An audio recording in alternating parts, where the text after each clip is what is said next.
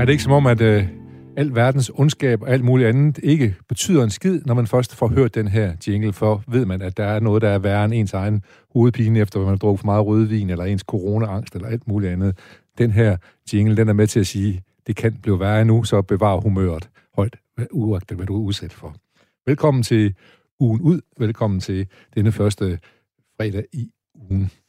Øh, så skal jeg måske lige sige, at øh, nu sagde jeg første fredag i ugen, og det minder mig om, at vi jo har vores egen, helt egen lille radiosang her i øh, programmet. Brænd dit tv, luk dine øjne og se. Hvad der kommer i radio, første fredag i jul. Første fredag, første fredag i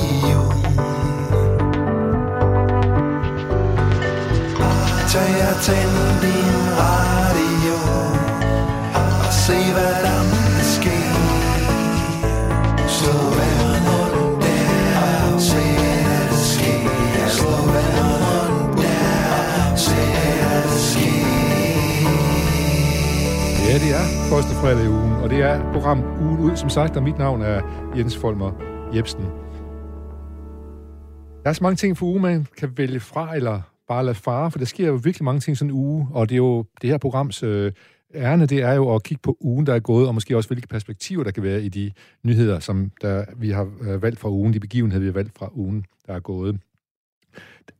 Men der er i hvert fald nogen, vi ikke behøver at bruge så meget tid på. Vi kan for eksempel sige, at vi har også tid beskæftiget os meget med prinsesser i, øh, i arabiske lande, i Saudi-Arabien og de arabiske emirater, som blev holdt øh, lukket inde af deres øh, fædre og ikke må komme ud i en form for 18, en har været 18 år i stuearrest, for eksempel, og ikke må ikke øh, komme ud. Øh, men øh, nu har vi så i løbet af ugen i hvert fald også fundet ud af, at der er også prinsesser i England, som øh, har det hårdt, måske så hårdt, at de har været nødt til at tage hele vejen til, til USA og fortælle om det. Det er jo, som sagt, Meghan og hendes mand Harry, der er taget derover. Det har jo skabt noget, noget uro i det engelske kongehus og, og en del opmærksomhed. Men altså, vi må konstatere, prinsesser, det er hårdt, der er... Vi begynder at forstå, hvorfor de kan mærke, er der nogen af alle madrasserne med alt det, de bliver udsat for. Det er ikke, det er ikke for tøs, tøsedrengen, han har sagt at være prinsesse. Øh, men øh, Megan, hun klarede det nu meget godt. Jeg kan spørge Anders, som sidder overfor mig, hvad synes du om Megan? Anders Dahlstrup, du er jo med, med her, medvært her i dag, og hvad, hvad synes du om øh, Megan-historien? Øhm. Åh oh, ja, Jamen, jeg, jeg, ved du, det, det, det spørgsmål er, det, det første, jeg bliver ramt af, det er, hvor kommer behovet fra at øh, lige få en million, eller hvad det nu er, man får, og fortælle det til Oprah. Og det, det, er, det er simpelthen det første, der sker i mit hoved. Ja. Og så er historien jo selvfølgelig... Ja. Du tænker ikke, det er ikke, nogen, det er ikke et par, som er på en mission og vil forandre noget. De er der, Nej. fordi de vil have opmærksomhed for at have penge. Ja, det er, det er faktisk det første, jeg tænker. Og jeg ved ikke, hvorfor at det, at det er det, jeg tænker. Fordi jeg tænker, jamen, nu er de jo gået ud af det, så de kan jo ikke forandre noget. Nej. Øh, og så råber de lidt, og så tænker det, det åh, og den, den er jeg ikke glad for. Nej, men det kan også være, at man har behov for at forklare sig. Ja. Så, Det, eller det kan også være et, et, et, et internt øh, behov. Det hører man jo tit, at folk, der har været udsat for noget, de har et behov for at fortælle det til nogen, fordi så får de det bedre med sig selv. Ja. Og det er jo den positive vinkel på ja, det. ja. Den, Så den tror jeg på. Den tager vi her. Altså, min vinkel er altid, når jeg hører de her historier, så, så har jeg altid prinsessernes parti. Ja. Jeg synes, de er, det er en hårdt ramt befolkningsgruppe, vil jeg så sige. Ja. Og, og, og jeg må indrømme også, at, øh, at øh, dronningemoderen, som vel, vel ligefrem også er, er dronning, hende har jeg sympati for. Hun er sgu en, en, en sej kvinde. Prins Charles, altså, Ham, er det ham, vi har mistænkt for, måske Ah. lige? Og, og, ja. jeg vil næsten sige, at jeg håber det. Han er altså lidt en satan, er Ja, han det ikke det? er, åh, han er fjols. ja, sådan kan man også sige det. Så, men, uh, skidt med det, men det kommer vi ikke til at beskæftige os så meget Nej, med, men det nej. kommer vi så til at alligevel gøre på en lille bitte uh, måde her også. Så er der også en anden historie, jeg har fundet i uh, The Guardian, vi heller ikke kommer til at bruge så meget tid på, men som måske også er væsentlig på sin helt egen måde. Den handler om, at der er to teenager, øh, som er blevet placeret i øh, fostercare, altså der, de er blevet sat uden for hjem, de er blevet øh, tvangsfjernet fra forældrene, fordi de her to børn, de var for fede. Okay. De har, indtil, de har mange gange fået at vide, at deres børn skal gennemgå øh, træningsprogrammer og diæt og alt muligt andet. Øh, så, øh, og det har de ikke levet op til. Og nu er de så blevet fjernet fra hjemmet. Ja. Øh, for det er jo ikke noget liv for øh, 6-7-årige børn at, at være kæmpe fede, og så have, kun have det at se frem til, at forældrene kan ikke finde ud af at styre det. Nej. Og det er sådan set nogle søde og rare forældre og sådan noget, men de kan ikke sige nej til børnene. Nej. Og øh, det viser så, at der er en til flere, jeg tror, der er, jeg tror det var en 8-12 øh, børn, der, der er tvangsfjernet, fordi at deres forældre fedede dem op. Hold da op. I det, og nu snakker vi England. Ja, ja, ja. Øh, så sådan er det ikke hjemme ved jer, Anders, vel? Det er i hvert fald ikke mig, der gør det. Nej, de, de er også så store, de selv kan finde ud af at gøre det, hvis det er. Det kan de selv finde ud af. Det, øh... Så har jeg fundet en anden en, og den leder lidt op til det tema, jeg har valgt for mine tre nyheder.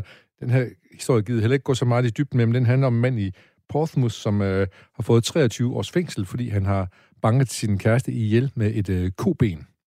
Øh, men i løbet af de sidste mange år, der har han faktisk øh, slået hende bevidstløs og taget øh, nøgenbilleder af hende og sendt til hendes forældre, sendt til hendes arbejdsgiver og alt muligt andet, for at, både for at ydmyge hende, men også for at, øh, lave en historie om, at hun blev stalket Mm. så man tror, det er en anden mand, der har slået hende ihjel, når hun er blevet slået ihjel. Så han er simpelthen bygget op til, at, at øh, hun har været udsat for noget, og det må være den mand, der har gjort det. Mm. Og det var det så også, men han håbede på, at det var, man troede, det var en anden mand. Men øh, han har heldigvis fået dem 23 år, men det bringer jo desværre ikke øh, kvinden til live, men det kan jo så fortælle os noget om, at, at man skal eddermad passe på med, at man bliver kærester med.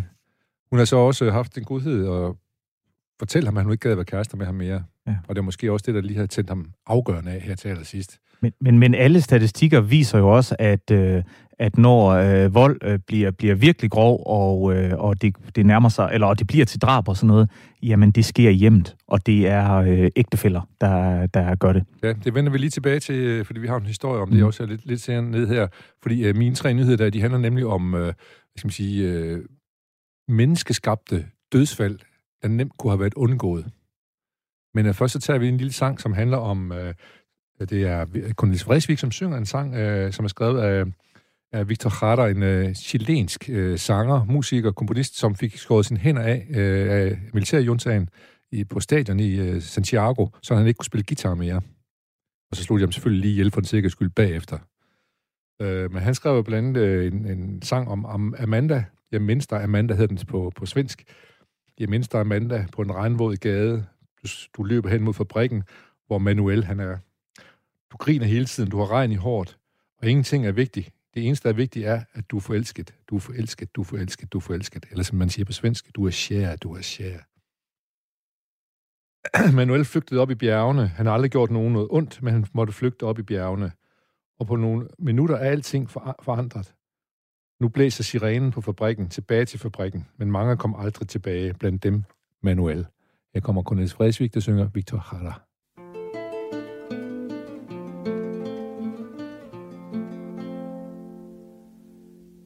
Jag minns dig, Amanda, på en regnvåt gata på språng mot fabriken där Manuel är. Du skrattar hela tiden, du har regn i håret och ingenting är viktigt utom att du är kär. Du är kär, du är kär, du är kär, du är kär, du är kär. Om några minuter. Är livet fullständigt om några minuter. Visslar sirenen ditt arbete väntar. Men där du går fram blir allting så ljust. Några minuter har fått dig att blomma. Jag minns dig Amanda en regnvåt gata på språnget mot fabriken där Manuel är. Du skrattar hela tiden, du har regn i håret och ingenting är viktigt utom att du är kär. Ja, så kom man jo i hvert fald i stemning på den ene eller den anden måde her, må man Ja. sige. Men øh, fantastisk er den så brutal mand, eller så, så voldsom en mand som Cornelis Vreeswijk. Han, han er jo, har åbenbart også en side, der er så fucking følsom, at man øh, kan blive helt stemt af det, ikke? Ja. ja. Vild sang, og øh, vild tid, der var i Chile på det tidspunkt. Heldigvis er det blevet anderledes. Ret kort tid efter Chile, så var det jo i Argentina, det foregik. Ja. Og sådan er, er det formodentlig rigtig mange steder. Men som sagt, jeg har en top 3 her, som jeg skal lige prøve at gå igennem. Mm. Mm. Den handler om øh, urimelige dødsfald, som øh, er menneskeskabte og kunne have været undgået. Jeg begynder, øh, den første jeg har, det er, den handler om ham, der hedder Samuel Paty. Jeg ved ikke, om du kan huske ham. Det er, øh, det er en fransk skolelærer, som øh, efter sine havde øh, vandæret profeten i en time, og hvilket fik øh, en pige øh, til at fortælle sin far, hvad hun har været øh, udsat for i skolen, den her lærer, og 10 dage senere, så har faren fået, fået middel på en, en eller anden måde til en øh, is- islamistisk øh, type, at øh, han skulle slå skolen ihjel, og han blev så, øh, fik så skåret hovedet af, skolen Ja. der. Den sag kan vi godt huske, det er omkring Det kan nogle vi. år siden eller et eller andet. Øh, og det, er jo, det er jo fuldstændig urimeligt, at sådan noget skal ske. Nu der kommet nye øh, oplysninger frem i sagen. Det var jo sådan, at pigen blev sendt uden for døren, øh, angiveligt fordi, at øh, læreren har sagt, nu skal jeg til at vise et billede af profeten uden tøj på, så du må hellere gå uden for døren. Okay. Og det var så det, hun var gået hjem og fortalt sin far, at hun havde været udsat for. Og det var det, der tændte faren af. Mm. Han kunne så ikke finde på at spørge skolen, om det var rigtigt eller et eller andet. Han foranstaltede jo en større hævnaktion, kan man så sige. Nu viser det så, at den 13-årige pige, det var ikke derfor, hun blev smidt ud af klassen. Det var, fordi hun havde lavet ballade. Og hun turde ikke fortælle sin far, at hun var sendt uden for øh, klassen, fordi hun lavede ballade. For det må, Ja. ja. det må pæne, artige piger jo ikke. Så hun nødt til at finde på en undskyldning, og det var så, at øh, det var læreren, der bedte hende om at gå ud, fordi at han skulle vise billeder af profeten uden tøj på, hvilket ikke havde noget på sig. Nej. Men uagtet om det havde eller ej, så skal sådan noget selvfølgelig ikke foregå. Men det er jo, det er jo grotesk, det her. Og hvilke, hvilke skyld må den her 13-årige pige leve med resten af sit liv over farens dårskab, øh, at han beder nogen om at slå læreren ihjel. Og det viser jo også, at, at den radikalisering, som man også taler meget om i Danmark, at man, for, man virkelig skal undgå, den ligger jo... Den er svær at se, for den ligger for nogen lige under overfladen. At der kommer én ting, som, som trigger det. Altså sådan en spill-over-effekt. Ja. Øhm, og så er man radikaliseret med det samme. Altså det her, hvor det, hvor det er en, en 18-årig, jeg vil næsten kalder ham dreng jo, som, øh, som, som fører sværet. Ja. Øhm, Han, er også, han, er, han, er, har åbenbart også lige haft kontakt med nogen af ham, der fø- føler svært, lige for at høre, er det i orden, jeg gør det her? Ja, det er helt i orden. Ja, det er ja, sådan, sådan, ja. ja. Det, det, det, det er grotesk, vildt. Ja. Jo. Jo, også fordi man kan ikke lade være med at tænke på, øh, det, han er vel ikke den eneste 18-årige i, øh, i Frankrig, som øh, man kunne have ringet til. Øh, det, det er vel ikke helt tilfældigt, at som, det er ham. Som, som har adgang til machetter. Ja, så på, så på en eller anden måde er det næsten som om, at, det, det er, at han bliver hypnotiseret øh, øh, ind i det her, og så er, har man et eller andet clue, og så øh, går han i gang. Action. Og Ja. så, Det er skræmmende. så kom jeg i himlen til 93 jomfruer, eller hvad det Ja. var, eller 75. Ja. Øh, men også skræmmende, at, øh, at, at der er et hjem, hvor man er nødt til at lyve om sådan nogle ting. Ja. Det, det er måske der, det hele det starter. Ja. Nå, men i hvert fald, det er i hvert fald tankevækkende, må man sige, mm. At øh, der nu er en fransk skolelærer, der, og en, hans familie, der, der har en, en far fattig og en Ja. fattig på grund af det her. Øh, næste historie den handler om øh, Myanmar, øh, Ja. hvor der jo er mange demonstrationer, fordi militæret har taget over, og, øh, og det har fået folk på gaderne i kæmpetal, mindst lige så mange, som der var i Hvide Rusland, Mm. og måske også stadigvæk er i Hvide Rusland i et eller andet omfang, men det har vi næsten glemt, hvad der sker i Hvide Rusland nu. Men Myanmar er der i hvert fald mange, og der startede politiet med lige at skyde en enkelt ung kvinde ved de første demonstrationer, og dagen efter skød de en mere, og så her for et par dage siden, så skød de 23 demonstranter. De skød simpelthen med skarpt alt det, de kan. Mm. Hvilket fik øh, nogle, øh, nogle øh, kristne nonner til at øh, gå hen mod øh, militæret, som skød efter demonstranterne, og fortælle dem at lade sig på knæ, og så er der er et meget stærkt billede af en kvinde i, det på BBC, man kan se det, øh, som beder soldaterne om at lade være med at skyde på demonstranterne, men de kan skyde hende i stedet for. De der, alle de der tab af menneskeliv, de er for grotesk. Tre, kan ikke dræbe mig i stedet for. Ja. Man kan se, at nogle af soldaterne, de går også ned i knæ, og fordi de har stor respekt for, at hun er Guds udsending på jorden. Så de skal ikke nyde noget af ikke at, at vise hende øh, respekt og Mm. alt muligt andet. Men øh, det har så ikke forhindret militæret i stadigvæk at skyde mennesker. Det, så igen, menneskeskabte dødsfald øh, Mm. øh, på gaden, fordi at der er nogen, der vil, øh, øh, i stort tal øh, vil demonstrere mod, de, øh, mod det militære kup, der er sket. Vi kommer mere ind på det i, i anden time også, at, at øh, demokratiet for, øh, øh, for mange, der gerne vil have magt, er, er væsentligt farligere end corona. Ja, det kan man sige. Det, ja. øh, så, så, ja, og her blev øh, demokratiet simpelthen for tydeligt for, øh, for militærjuntagen i, øh, i Myanmar, og så må det hellere stoppe, og så slår vi hårdt så ned slår på vi det. hårdt ned på det. Ja. Ja. Og nu altså, hørte så også, de havde så øh, hyret et øh, PR-bureau til at komme og forklare, hvor, hvorfor de har gjort det, så folk kunne forstå det ude i verden. De var bange for, at de blev upopulære ude i verden. Ja. Så de nu har så hyret nogle internationale PR-agenter, der kan fortælle om, hvorfor det her det er helt rimeligt, det de foretager Ja, sig. men altså god markedsføring, det kan klare mange det ting. klarer rigtig, rigtig mange ting. Ja. Yes. Så, og så øh, Jean Hussi, som var jo, øh, som fik Nobelpris, men som har også været øh, præsident dernede, øh, leder, leder dernede i rigtig, rigtig mange år, nu sidder i husarrest igen. Hende så begyndt at beskylde for, at hun har kriget diamanter og penge til sig, osv. osv. Mm. Øh, måske også som får han undskyldning for at, øh, at sætte de her ting i gang. Det må ja. vi lige prøve at følge lidt. Men i hvert fald, så ser vi nonner, der stiller sig op i øh, skudlinjen. Ja. Ligesom i øh, Portland faktisk så en nøgen kvinde, der stilles ud foran politiet og sagde, slå mig ned først, før I begynder at, at slå på alle de der folk, der Ja. demonstrerer. Fordi de demonstrerer faktisk det, der hedder en just cause, altså en Ja. ja. retfærdighedens sag på en eller anden måde. Ikke? Godt. Så har jeg en øh, historie mere, som handler om øh, dødsfald, der kunne øh, være undgået. Øh, vi skal hele vejen til Brasilien, hvor det- de er nu op på, at der er 2.000 mennesker, der dør af covid hver eneste dag. Og Bolsonaro, som er præsident dernede, han siger, at nu skal de holde op med at flæve. De vil bare komme i gang med at arbejde. Ja. Det gider han ikke, det der pis der. Der er ikke noget galt med det. De kan bare komme ud. Det er ikke værre en influenza. Jeg har selv haft det, siger han jo. Ja. ja. Øh, nu er så svært sket det for ham, at hans øh, værste politiske modstander, øh, det er ham der øh, Lula, som tidligere Ja. har været præsident dernede og skabt et stort økonomisk boom for Brasilien. Ham har han, han har siddet fængslet, øh, og han er lige blevet frikendt efter et par år, øh, og dommeren sagde, det her det er det mest groteske dom, der nogensinde er faldet over nogen, at han skulle i fængsel. Ja. Så der, det er helt klart politisk, at han har været sat i fængsel. Men nu er han så kommet ud, og så han, skal jeg godt forstå, at Bolsonaro er bange for ham, for han har været ude holde en glødende tale om, at nu må vi simpelthen holde op med alle de der dødsfald øh, på uskyldige mennesker, øh, bare fordi Bolsonaro, han synes, han skal holde maskinerne i gang. Ja. Og det viser der er over 50 procent, som støtter Lula nu her, og det er jo ikke rart for Bolsonaro, som er en, som er en præsident, der er jo sådan lidt øh, meget Trump-agtig, ikke? Øh, Og det er han, det er han, og der har også været korruptionshistorier med ham med øh, hans drenge, øh, altså hans børn, som øh, ja, der har været uheldige sager. Han har, han har kørt den lige fra han fik magten, så har han kørt den på den hårde Trump-manier. Ja, det, må man det, sige. Det, det, må man sige, og de er også gode venner, de to jo. Og, Yes. og, og det der med, med, med mundbind og hvad fanden, op i røven med det, ikke? Ja. Også, altså, det, det har vi ikke behov for her. Vi skal passe på, hvilke politiske ledere vi vælger. Vi må sige, at Brasilien er jo trods alt et demokrati, ligesom USA også er et demokrati, hvor man så har valgt nogle ledere, som er åbenbart lavet hånd om, Ja. om befolkningen på en eller anden måde, medmindre det er nogen, der støtter dem selv.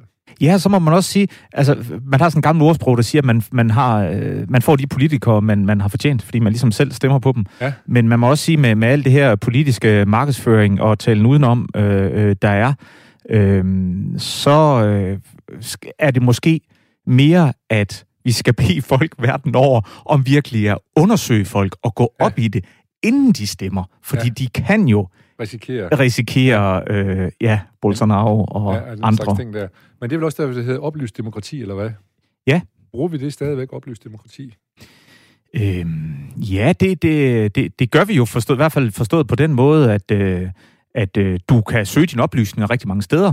Øh, det er jo i hvert fald oplysning. Du kan søge oplysning, ja. Øh, men, men om folk de så gør det, det er jo, ja, det er jo om sådan... de er oplyste, når de stemmer. Ja. Det kan jeg godt være i tvivl om, også for mig selv, om jeg ved alt, hvad der foregår i politik der, for nogle gange der er det jo sådan lidt. Ja. Oh, hvad skete der lige der? Og så, og så hørte jeg en, en, en vældig interessant uh, podcast med en, med en professor ved, ved Københavns Universitet, der har skrevet en bog om det at drive øh, politik med på frygt. Ja. Øh, og der har han simpelthen taget corona, hvor han sagde, jamen, det, det der er sket de sidste år, det er, vi, at, at øh, positive fortællinger om, hvor skal vi hen med samfundet, de er simpelthen blevet erstattet af frygt. Ja. Og øh, at øh, det ligesom øh, er, er en, en klassisk øh, dansk... Øh, altså, nu lyder det forkert, men det, er ikke, det skal jeg ikke misforstå, for det er jo ikke kun noget, Socialdemokrater gør, men man har i hvert fald set det flere gange, at i sådan nogle situationer, der er Socialdemokraterne rigtig, rigtig gode til at lave fortællinger øh, i Danmark, der samler danskerne for at undgå en, øh, en, et, et, ja, For- en for- samfundsfrygt. For, for, for, for, for en politisk sejr, så, ja. så skaber man frygt. Så er der jo langt til, at det Socialdemokrati, som engang lovede at arbejde, at de skulle have kolonihaver, så de også fik gavn af naturen. Ja. At det skulle være toiletter i lejligheder osv. Ja. Alle de løfter, de gav Ja. en gang, hvor i starten, øh, de var socialdemokrater. Det, er- det er i hvert fald meget tydeligt også, og når man, og så dagen efter, så, skulle jeg, sad man jo og følge med og tænkte, jamen, kan det her oversættes til i dag, og har, har manden ret? Og jeg synes, der er, der er virkelig noget i det, Ja. at, øh, at øh, så søger vi sammen om nogle andre politikere, og der er nogle politikere, der simpelthen kommer til kort, fordi de er vel til, vant til at fortælle den positive historie. Yes. Jeg hørte lige uh, Chuck Schumer, som jo er uh, flertalsleder i senatet i USA i går, så siger han, jeg, det han håber på at kunne gøre, det er, han ved godt, der er mange, der har stemt på Trump, fordi de har været bange for, Ja. hvad fremtiden den, den kunne bringe. Ja. Uh, og det, det, det kalder på demagoger, som man siger. Ja. Nu er det op til os uh, at fortælle uh, historier, så man igen kan, kan stole på uh, regeringen. Ja. Eller, ja, på regeringen. Uh, Ja, vi, vi, jeg har haft øh, diskussionen med flere omkring, altså hvis man sådan kigger helt realpolitisk på det, hvad er det så, øh, der gør, at øh, Trump var så dårlig, og, og øh, Obama så god? Fordi meget af deres politik var øh, langt hen ad vejen det samme. Men, men, men der er vi jo tilbage i den store forskel. Obama, han sagde hope, Ja. og nu skal vi can være fælles om en bedre frem, Ja, ja, fremtid. ja. Og Trump, han sagde, nu skal vi simpelthen være bange. skal jeg nok hjælpe dig, for jeg er stærk. Ja. ja. Hvis du hører det her, så er det fordi, at øh, du lytter til øh, programmet Ugen Ud, og så spørger du måske dig selv, er det øh, fjernsyn? Nej, det er det ikke. Det er radio. Radio, radio. Stil ind på din radio. Skru op. Stil ind på din radio. Oh, oh. Der er gang i din radio. Skru op for din radio. Stil ind. Skru op for din radio. Oh, oh. Var du tvivl, Anders? Vi hører radio. Det gør vi. Og du har en gæst. Det har jeg. Og øh, nyudnævnt forperson for studenterrådet ved øh, Aarhus Universitet, Marie Dal, er du øh, med os og velkommen til ugen ud. Det er jeg, og mange tak. Hvor er det fornemt. Og jeg siger forperson. Det, Ja. øh, det, er det et nyt ord, kan jeg se? Jeg ved, det er et sjovt sted at starte, men, men det kan jeg se, det er et nyt ord. Øhm, der er, er der, hvad er årsagen til, at øh, I har valgt det? Jamen, øh, det er naturligvis at sende et, øh, et stærkt politisk signal om, at øh, der ikke er forskel på, om man er mand eller kvinde. Øh, Mm. så, øh, så det er en beslutning, der er truffet politisk. Og øh, du er selvfølgelig studerende ved øh, Aarhus Universitet. Øh, du læser jura, ved jeg. Og så er du gået ind i øh, studenterpolitik.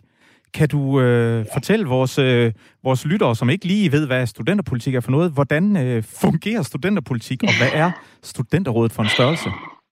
Jo, jamen det kan jeg sagtens. Øhm, studenterpolitik er jo, øhm, ja, man kender det jo måske alle sammen fra, fra folkeskolen og gymnasiet, hvor der var et elevråd. Det har vi ikke på universitetet. Øh, I stedet så har vi det, der hedder studenterpolitik, som er politik, men vi beskæftiger os kun med de områder, der er relevante for os som studerende. Så det vil sige, at helt lokalt ude på studierne, der sidder der nogle sådan, lokale øh, fagråd, kalder vi dem, som arbejder med, øh, hvordan gør vi pensummet bedre, hvad er der for nogle udfordringer her på vores studie. Og så øh, tager man lige en helikopter på og flyver lidt op, og så er der det, der hedder studenterrådet, som så dækker over hele universitetet, hvor vi så beskæftiger os med studenterpolitik, der er problemstillinger for hele øh, uni, kan man sige. Ja. Og er, er det så ligesom øh, øh, hvad, landspolitik, at der er et folketing, øh, øh, hvor man træffer nogle beslutninger, eller, eller hvordan, hvordan får I jeres studenterpolitik ud på universitetet? Jamen, øh, det er sådan, at der en gang om året er et universitetsvalg. Så der øh, skal alle de studerende stemme, og der stemmer de folk ind i, i de her lokale ting, og de stemmer også to studerende ind i universitetets bestyrelse. Og der har vi så lige nu to studerende siddende. Så på den måde har vi noget reel indflydelse. Og derudover så alle de her lokale fagråd, altså medicinerrådet fra medicin og statsrådet fra statskundskab, de, øh, de mødes og samles. Det gør de cirka hver anden måned. Og så øh, ligger de guiden for, hvor vi som, og jeg som forperson, øh, skal føre politikken hen, og hvad det er, vi skal mene og synes om forskellige ting. Kan du, kan du give nogle eksempler på nogle, nogle konkrete stillingtagninger, I, øh, I har? Nogle konkrete øh, politikområder, som interesserer jer? Jamen, øh, det er det er meget, meget bredt, kan man sige. Lige nu der har vi lige vedtaget et coronapapir, som er en politikbeslutning i forhold til, hvad er det, vi vil øh, under den her coronapandemi politisk. Altså, hvad vil vi sikre? Hvad er vigtigst? Og sådan nogle ting. Men det kan også være boligsituationen, det kan være SU-politik. Vi skal snakke noget finansiering også. Hvordan finansierer vi vores uddannelser? Hvordan sikrer vi trivselen? Der er mange øh, sådan store, øh, måske lidt fluffy emner, som vi tager op. Jeg synes ikke, det er særlig fluffy. Det er folk mig her, der taler til dig. Det er jo meget konkret. Få et ordentligt sted at bo og få en ordentlig øh, SU og så videre, ikke?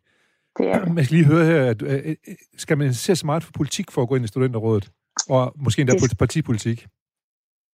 Det behøver man overhovedet ikke. Studenterrådet har, øh, har ikke, altså vi er totalt uafhængige af partipolitiske interesser. For os der er det de studerende, der er i fokus, og det er dem, vi tager udgangspunkt i. Så vi har ikke nogen farve. Og det betyder også, at øh, vores medlemmer og øh, dem, som sidder og arbejder med det her, de kan stemme, hvad end de vil.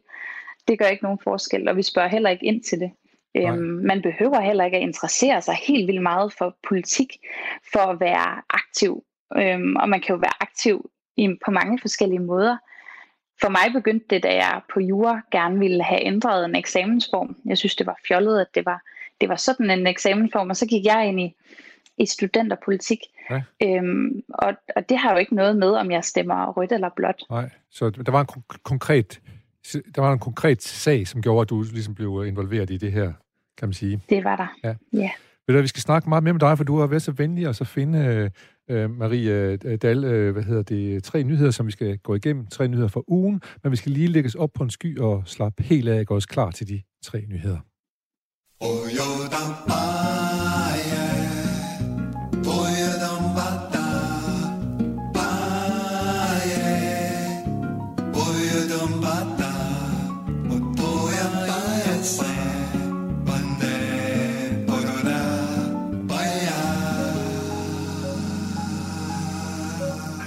herlig bossa nova sky, så fik vi lige skulderen lidt ned, og det er godt at have, og det håber jeg også, du fik, Maria Dahl, øh, den nye forperson for Studenterrådet ved Aarhus Universitet.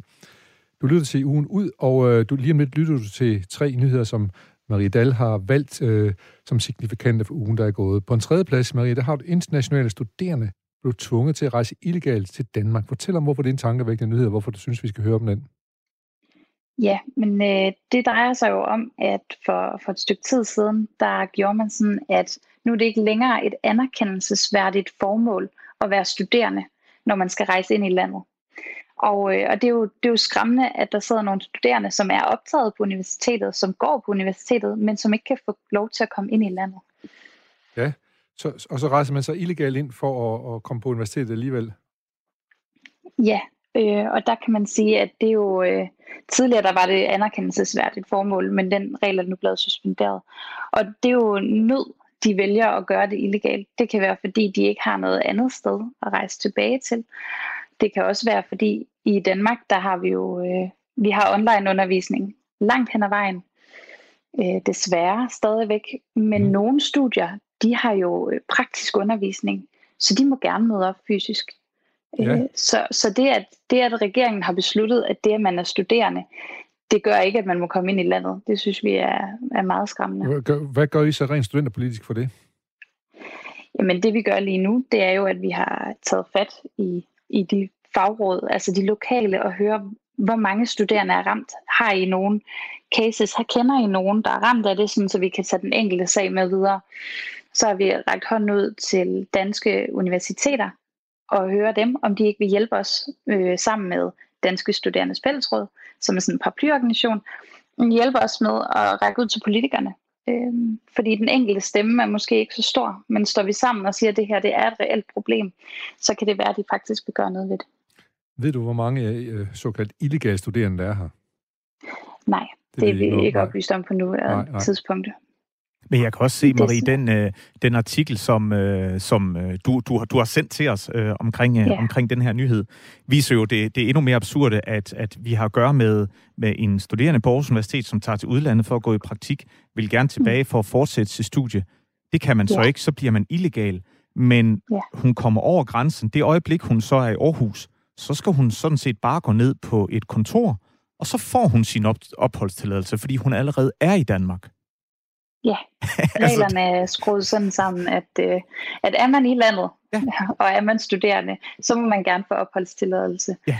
Men du må ikke komme ind i landet. Nej, hvis du har været i praktik med de studier. Ja. Ja, og det er ofte det er de her kandidatstuderende. Det, det drejer sig jo både om kandidatstuderende, som jo, det er jo sådan en toårig kandidat, hvor man er tilknyttet universitetet i de to år. Hvis man så har været ude et halvt år på praktik og vil tilbage igen, det er der øh, fælden ligesom klapper. Og noget andet er så også, at vi jo har nogen, som er på udveksling i Danmark, uden overhovedet at være i Danmark. Så de kan sidde i, i alle mulige andre lande og have tidsforskel for den sags skyld, men når Zoom begynder klokken 8 i Danmark, så kan de også være med på Zoom. Øh, og det er jo så argumentet, men tidsforskellene gør jo bare, at det kan også være midt om natten, de skal sidde og være med. Vi er ikke helt øh, færdige med at snakke om internationale studerende i Danmark. Vi vender tilbage til en, en, en anden sag øh, lige om lidt, Marie Dalle. Jeg er glad for, at du bringer den op her. Ja. Og jeg er glad for, at I gør noget ved det, øh, øh, og at I som studenterråd øh, prøver på at, at presse de relevante øh, steder for at få ændret på det her. Vi bliver ved noget, som der skal kæmpes for. Det er nemlig øh, din anden nyhed, kvindernes internationale kampdag. Ja, jamen øh, det kan næsten ikke have været den her uge, uden at man vælger at fremhæve øh, en så vigtig dag. Vi, øh, jeg har fundet en artikel øh, omkring den her håndbog, Ja. som sexisme. Øh, Håndbog om sexisme. vidnesbyrd. Ja, ja. Ja, og øh, det der er, det er jo min, min paraply for de her tre nyheder, det er jo det her med de oversete studerende. Vi øh, så øh, MeToo-bølgen i sommer, og øh, der var også øh, 107 forskere fra Aarhus Universitet, som skrev under på, at de oplevede sexisme i den her akademiske verden. Men, øh, men hvor er de studerende henne? Og glemmer vi dem ikke? Fordi her der, der bliver der sat fokus på, at, at stud- altså universitetet som arbejdsplads øh, og øh, skaber et miljø, hvor, hvor sexisme trives. Men der er cirka 8.000 ansatte på AU. Vi har 38.000 studerende. Vi som studerende er meget mere udsatte i den forstand, at øh, så vi frem, så har vi ikke års erfaring med os. Vi har ikke en uddannelse. Så der er rigtig meget usikkerhed. Man er meget, meget ung. Og det er naivt at tro, at sexisme ikke foregår blandt studerende. Hvor- Og det er vigtigt for os at få skabt debatten og få slået ned på det og få gjort noget ved det. Det, det, er, det må man sige, øh, at det er. Har du nogen indtryk af, hvor mange af de 38.000 er, er, er kvinder, og hvor mange er... Er det cirka halvdelen Øh, øh? Ja, det, det er mit bud. Det er cirka omkring halvdelen. Halvdelen, ja. Så det skal ja. Selvfølgelig gøres noget ved. Hvordan gør I noget aktivt for det i Studenterrådet? Jamen, vi, øh, noget af det, som, som vi ligesom kan, kan gøre, det er, at vi har oprettet en studenterlinje, som er en anonym chat- øh, og telefonservice, hvor man kan ringe ind fire gange i ugen, hvis man oplever noget, som man har brug for at snakke med nogen om. Fordi det er det her med at bryde tabuet. Det kan være rigtig svært at stå frem, men bare det at få sat nogle ord på det og få sagt det til nogen, kan være rigtig, rigtig vigtigt. Ja. Men vi gider heller ikke blive ved med at symptombehandle. Altså det er ikke det, løsningen er. Vi bliver nødt til at kigge på kernen. Vi skal stoppe det her problem. Øhm, og det gør vi ved at snakke med universitetet, og det har vi en løbende dialog med rektoratet omkring, særligt i forhold til studiestarten. For vi skal have en kultur, hvor det ikke findes. Snakker du her om nødt rusture blandt andet, eller hvad er det sådan særligt Blandt sted, hvor andet, det er? blandt andet rusture, øhm, og også hele den, den verden, man bliver mødt af, når man er, er ny noget som helst sted, om det er på en arbejdsplads eller på et studie, så er man meget modtagelig over for de indtryk. Og når der er nogen, der fortæller en noget, så er man tendens til bare at, at lytte. Øhm, og når vi fem år senere går ud fra universitetet, så er det vigtigt for os, at de studerende, der dimitterer, de skal vide, når de kommer ud på arbejdsmarkedet, hvordan det er okay at blive behandlet, og hvordan det ikke er okay. Øh, og, Ja. og den kultur skal vi ligesom få skabt. Men det er et svært, kan man sige. Og, og, det, og det er heller ikke noget, I skal stå alene med, må man sige. Det er jo et, et, ikke bare et problem på universitet og andre steder, men vi har også oplevet, at det blevet oplyst om, at det foregår overalt og hele tiden, så det skal vi bare have ændret på i en vis fart. Det Ja. er det nemlig, fordi vi, jo, vi har jo svært ved at sige, det er tabubelagt, og det er jo også derfor, vi kan ikke hive tal frem og sige, så og så mange Nej, øh, bliver udsat for det ene og for det andet, men fordi man ved, at noget vi jo ligesom ikke får det sagt. Ja, ja. lige akkurat. Men øh, så har på en første plads her, nu siger jeg men, det ved jeg ikke lige, hvorfor jeg gjorde, men nu sagde jeg det. Men på første der har du noget om genåbning, og det er så også nødvendigt, øh, for at man kan tale sammen omkring, hvad man skal gøre. Hvem taler universitetsstuderende sag, spørger du, om på den første plads. Der, universiteten skal genåbne de her dage, men, men øh, hvem skal først i køen? Ja, og øh, nu siger jeg universitetsstuderende, men, men hele vejen igennem mener jeg jo studerende, altså både lærere og journalister, de kunstneriske uddannelser. Øhm, fordi vi sidder i, i den samme båd. Vi sidder med nogle andre udfordringer. Og når vi kigger på mediebilledet, snakker vi rigtig meget om efterskoleelever, folkeskoleelever øh, elever og sådan nogle ting. Men hvem taler vores sag? Fordi vi har en anden udfordring. Vi har øh, nogle andre boforhold, nogle personlige steder i livet, vi er, som gør, at vi sidder med nogle ekstreme udfordringer. Og jeg har tre øh, ting med, som ligesom er vores tre hovedargumenter Ja. for, hvorfor vi snart også skal åbne op. Og det første, det er fagligheden. Øhm, Uddannelses- og Forskningsministeriet har endda selv sagt, at 6 ud af 10 studerende, de vurderer, at fagligheden bliver dårligere. Yes. Øh, hvis vores læger skal gå ud og øh, redde verden, og, øh, og alle andre skal, skal bidrage, så bliver vi også nødt til at være sikre på, at fagligheden ikke lider last. Og det gør den nu. Øh, nummer to, det er trivsel. Der er rigtig, rigtig mange rapporter, der nu viser, hvor mange der egentlig er ensomme.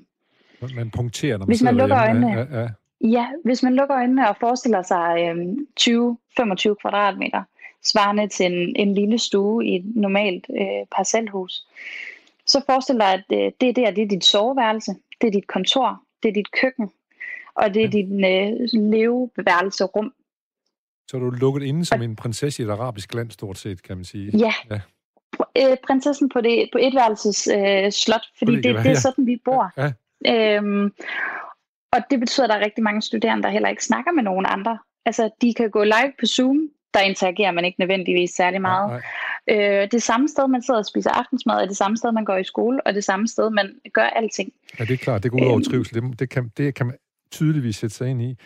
Øh, hvad, hvad, hvad, hvad for den tredje ting var det så, du snakker om? Faglighed, trivsel og... De førsteårsstuderende, og få ja. dem integreret på universitetet. Ja. Øh, de er også flyttet til en ny by.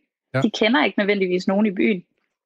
Øhm, man er vant til, at når man, når man står op, så kan man sige godmorgen til sin mor og sin far, og måske nogle søskende, der løber rundt. øh, at man kan se nogle andre.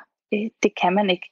Og de der venskaber, man får knyttet, når man begynder ny by, nyt studie, de er heller ikke blevet knyttet endnu. Så det er utrolig vigtigt, at vi ikke får tabt den her generation på gulvet. Det lyder som lutter gode ting, og jeg håber, at I snart kommer tilbage, så I kan tage fat på de her problemer og få, få gjort noget ved dem i hvert fald. Men Marie Dahl, jeg er utrolig glad for, at du vil være med i dag som for, ny forperson for Studenterrådet i Aarhus. Det er spændende at høre om, det er en lige en ny verden, der åbner sig for nogen af os. Så tak fordi, at du tog dig tid til at være med her. Tak fordi I ville have mig med. Og god dag. Tak i lige måde i hvert fald. Og så øh, kan jeg sige, at du lytter til Radio 4, øh, og du lytter til ugen ud, og vi havde Marie Dahl, som var øh, forperson for Studenterrådet i Aarhus igennem, og hun talte blandt andet om, om, om studenter, der var her øh, illegalt i Danmark, og ja. hun talte også om øh, øh, trivsel og alt muligt andet. Men vi har en historie her, vi lige skal følge op på, og vi skal nemlig en tur til Ranum Efterskole. Ja, det har vi.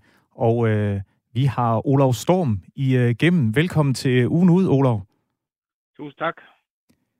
Øh, vi faldt over, da vi skulle forberede os her, en, jeg ved, øh, altså en hjerteskærende historie fra, øh, fra Ranum Efterskole, og ringede dig op lige øh, inden vi gik på her og sagde, Ola, du er simpelthen nødt til at komme igennem, for, øh, for et par uger siden, vores faste lyttere øh, ved, at der, der, var du, øh, der var du med her, der talte vi blandt andet om øh, de efterskolestuderende. Nu har du fået øh, de danske efterskolestuderende tilbage, men samtidig så med den nye epidemilov, så er der kommet en, øh, en historie ud om øh, dine internationale øh, studerende.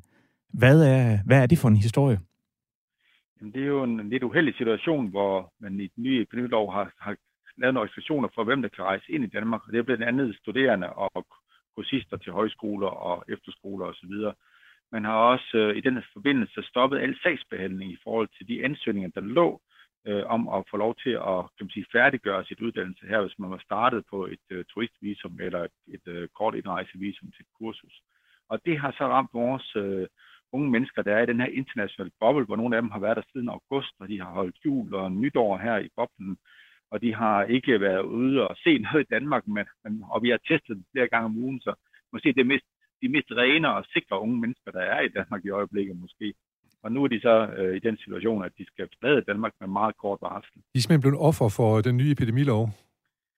Ja, det er jo byråkratisk helvede for at sige lige ud, ikke også? Det, det må jo ikke være hverken politikere eller andre i det her samfunds interesse, at vi sender unge mennesker, som betaler for at være på et kursus i Danmark, og som har, kan man sige, til, til uh, få dage forinden været her lovligt, ikke? Uh, og, og kan man sige, er ved at forberede deres fremtid. De fleste af de unge mennesker her, de er på et scholarship, så de har fået fuldt betalt uh, deres ophold og er ved at afslutte deres øh, internationale uddannelse, som betyder, at de skal videre på colleges og universiteter. Og, øh, og nu bliver de simpelthen smidt ud lige to uger, tre uger før deres, øh, deres teksteksamener. Så, altså, det er, det er, er det, forstået, er, er det forstået rigtigt, at hvis de ikke har den eksamen, så kan de ikke komme på det universitet eller det college, som de nu er blevet stillet i udsigt med, med og dermed rydder der scholarship formodentlig også? Det er ikke sikkert, at det betyder, at de ikke kan komme ind, men der er nogle af de her unge mennesker, der, der er blevet optaget på for eksempel Stanford University i USA. Det er noget, uh, kun få unge mennesker i verden kan, kan, kan komme til, og det er jo en kæmpe drøm, der er gået opfyldelse. Og, og der skal man, at der er, ingen, der er et nåleøje, der er så smalt, så man skal kunne aflevere en prøve og et eksamensbevis osv., og, og det betyder, det bliver svært for dem, når de nu skal til at rejse rundt. Øh, i, for at kunne finde ud af, hvor de skal afslutte deres prøver, efter de er blevet sendt hjem her fra, fra Danmark. Kan du, kan du prøve at give et eksempel på en studerendes Altså bare sådan, vi lige får det personificeret en lille smule. Så en, lad os sige, en, der skulle på Stanford. Hvad har vedkommende været udsat for med den her nye epidemilov, og hvad, du byråkratisk har været nødt til at gøre? Jamen i forbindelse med pandemiloven, så skete der det, at vedkommende simpelthen øh, fik øh, meget kort tid til at rejse ud af, af Danmark, og øh, vi havde ikke engang tid til at anke det, fordi på det tidspunkt, der var vi sådan mere eller mindre lamslået, og, og, og hvad hedder, det betød så også, at øh, hvis vi ankede, så ville der være usikkerhed om vedkommende kunne være i Danmark under ankesagen. Og så vi skyndte os at arrangere, at vedkommende kom til USA, og i USA kunne øh, få et godt sted at være, hvor der var, var støtte til at afslutte sine prøver. Så vedkommende måtte simpelthen rejse sted, og så i USA øh, kunne afslutte sine prøver der, for at være sikker på at kunne komme videre til Stanford. Så vi tog ikke chancen og, og, og ved det, kæmpede kampen her. Vi var nødt til at sætte vedkommende sted. Så den var lidt tabt på forhånd. Nu håber vi selvfølgelig for, at det kan lykkes for vedkommende. For, for andre har det jo endnu større konsekvenser. Sådan set ikke nogen af de unge mennesker, der er nået at komme hjem endnu. Øh, vi var nødt til at sende to elever afsted til en skole i Costa Rica, som gerne ville tage dem. Øh, og det, sige, smittetallet er jo højere der, og situationen er endnu værre ude omkring i verden, der i Danmark. Så det var med, med blødende hjerte, vi måtte sende dem afsted. Der har de så fået lov til at opholde sig i, øh, i to-tre uger her, indtil deres prøver er afsluttet. Hvis det vil sige, hvis de, har, hvis de får lov til at blive to-tre uger mere i Danmark, så kunne de afslutte deres prøve her, og så rejse ud til de skoler, de nu skulle på? Ja, det var sådan set situationen, og det har vi også gjort opmærksom på. Ja. Men der gives ikke mulighed for forlængelse ud over en uge gangen, og der kan kun gives forlængelse, hvis det er umuligt at rejse ud. Det oplevede vi så her forleden, hvor vi havde en ung pige, der så strandede i Københavns Lufthavn. Hun kom ikke engang ud af Danmark, så fandt man ud af, at et indrejsevilkårene i USA var ændret, og at man ikke kunne have transit, medmindre man indregistrerede sig øh, i, altså to visum til USA, og ikke kunne rejse igennem USA. Og det øh, betød, at vi måtte smide flybilledet væk, og hun måtte tage tilbage til Rand Møskole her i går aftes. Og her, og her øh, til i morgen tidlig, der skal hun så flyve ud af Bilund, fordi hun skal forlade Danmark øh, på, på de her øh, 10-14 dage. Og der er altså den, den komik i det, at de her breve, de er sendt med på snor. Så, så inden brevet når frem til Ranum F-skole, ikke, så er der gået en 7-8 dage, ikke? og så det levner dem så de unge mennesker, og også øh, 4-5 dage til at planlægge en, en uh, rejse. Ja. Får du, får du ikke lyst til at lave, øh, hvad skal man sige, øh, øh, lave en eksamen nu, lige nu og her, så de kan bestå den i hvert fald? At får du ikke lyst til at lave, ligesom bryde med lave civil ulydighed? Jo, det, det er ikke en dansk eksamen. Det er jo sådan en skole, College, der er der en, ret mange elever, Klart. der tager internationale afgangsprøver. Og den her eksamen, den bliver altså sendt på en bestemt dato fra, okay. fra øh, et internationalt eksamenskontor, så det er ikke noget, vi kan styre. Det er godt. Det, det, redder dig, det redder dig fra at blive civil ulydig, så kan man sige. det er sådan. der er andre steder, hvor vi har lyst til at være civil ulydig ja, ja, den her sag. Ja. Især har vi lyst til at spørge politikerne, om ikke der, om ikke der skulle oprettes et kontor for, for kan man sige, anstændig behandling af af ikke hensigtsmæssige konsekvenser af deres lovgivning. Ja, for det, det, det, kan vel, et kontor. Det, det, det kan vel næppe have været hensigten at gøre det besværligt for seks studerende på, på Ranum øh, efterskole. Altså, det, det, det, det står... Nej, og det er jo også... Så, som det, er jo, det, er jo, det er jo værre end det. Ja, det kan godt være, at det, det her det er jo en sag, der er lille i, i sammenhæng med de... Nå nej, men øh, den er principielt uh, på til. Ja. Ja, det er den, og det er jo også det omkring Danmarks omdømme. Ikke? Vi, vi bryster os jo at have et af verdens bedste uddannelsessystemer, og, og det er jo et renommé, vi har i hele verden, ikke? Men, men vi har ikke gjort ret meget for at, at kan man sige, gøre opmærksom på de gode sider ved vores uddannelsessystem for gæster, der kommer til Danmark. Nej. Det betyder også, at, at vi i grundskolen har faktisk svært ved at tiltrække unge mennesker til de her indsatsfulde forløb, blandt andet på, på efterskolerne. Så, så det vil... Men det her, det gør det ikke bedre. Nej, det vil være svært for dig at få udenlandske studerende ind efter det her. Ja, hvis ikke der er tryghed for de vilkår, man kan være her på, så tror jeg bestemt ikke, der er nogen, der har lyst til at komme her. Så søger det til Australien og New Zealand og Canada. Og Danmark går glip af, af meget store indtægter, som man jo har i de her lande, hvor, hvor det virkelig kan ses på deres BNP, at de har salg og eksport af uddannelser. Og det er lidt ringe, vi ikke har det i Danmark med den kvalitet, vi har i uddannelserne, og ja. det værdigrundlag, vi har ja. det. Det er det. Fortæl mig lige, hvad, hvad, hvad er det i, i den der nye øh, epidemilov, som, som, som konkret siger, at de skal ud? Hvad, hvad, er, det, hvad er det for noget? Hvad, hvad er det for en hjemmel, der siger, at de skal det? Det er simpelthen en, en uh, passage, uh, hvor, hvor, hvor der står, at man ikke giver indrejse til øh, work-away, øh, au pair, øh, studerende på kurser, højskoler, forløb og, så, og F-skoleforløb osv. Det, det er simpelthen ikke nødvendigt for Danmark, og har man vurderet at åbne grænserne for det. Det, det, der så er sket i fortolkningen, det er, at man så stopper sagsbehandlingen. Så uanset om, om det unge menneske er i Danmark, så stopper man sagsbehandlingen og siger, at vi kan ikke give dig tilladelse til at fortsætte med at være i Danmark. Ligesom vel som lovens intention er, at man vil jo sige, vi kan ikke give dig tilladelse til at komme til Danmark. Øh, men her går det altså begge veje, så derfor sætter man nogle mennesker ud, der er under 18 år, på en meget usikker rejse rundt i verden, ikke? Øh, hvor ingen af dem har mulighed for at komme hjem. Vi har en elev, som skal til Mauritius ude i Stillehavet, Ja, og de har så haft øh, tilfælde af co- covid-19. Og det, de, da det vidderligt er en ø, der ligger langt væk fra alting, så er det meget nemt for dem at lukke alle grænserne. Og det har de så gjort. Det betyder så, at hun ikke kan komme hjem, og hun har været nødt til at, inden for den her tidsfrist, som, som øh, myndighederne har givet, øh, siger det hedder styrelsen, har givet til, øh, til de unge mennesker der, så er hun nødt til at tage til England og opholde, opholde sig hos en fjern slægtning. Øh, og, og, ind, og så ligesom tage sin prøve der, ikke også? og, og, Så det er ikke optimalt. og hvad, hvad, ved, de, de her studerende, du har, de kommer fra Mauritius, de kommer også fra Sydamerika, nogle af dem Latinamerika, og de her seks studerende, der skal ud. Ja. Colombia, Peru, Sydamerika, Eti- Et- Etiopien, øh, ja, rigtig mange steder fra. Der er, jo, der er elever fra over 14 forskellige lande i den her boble der. Ja. Og nu er der så kun...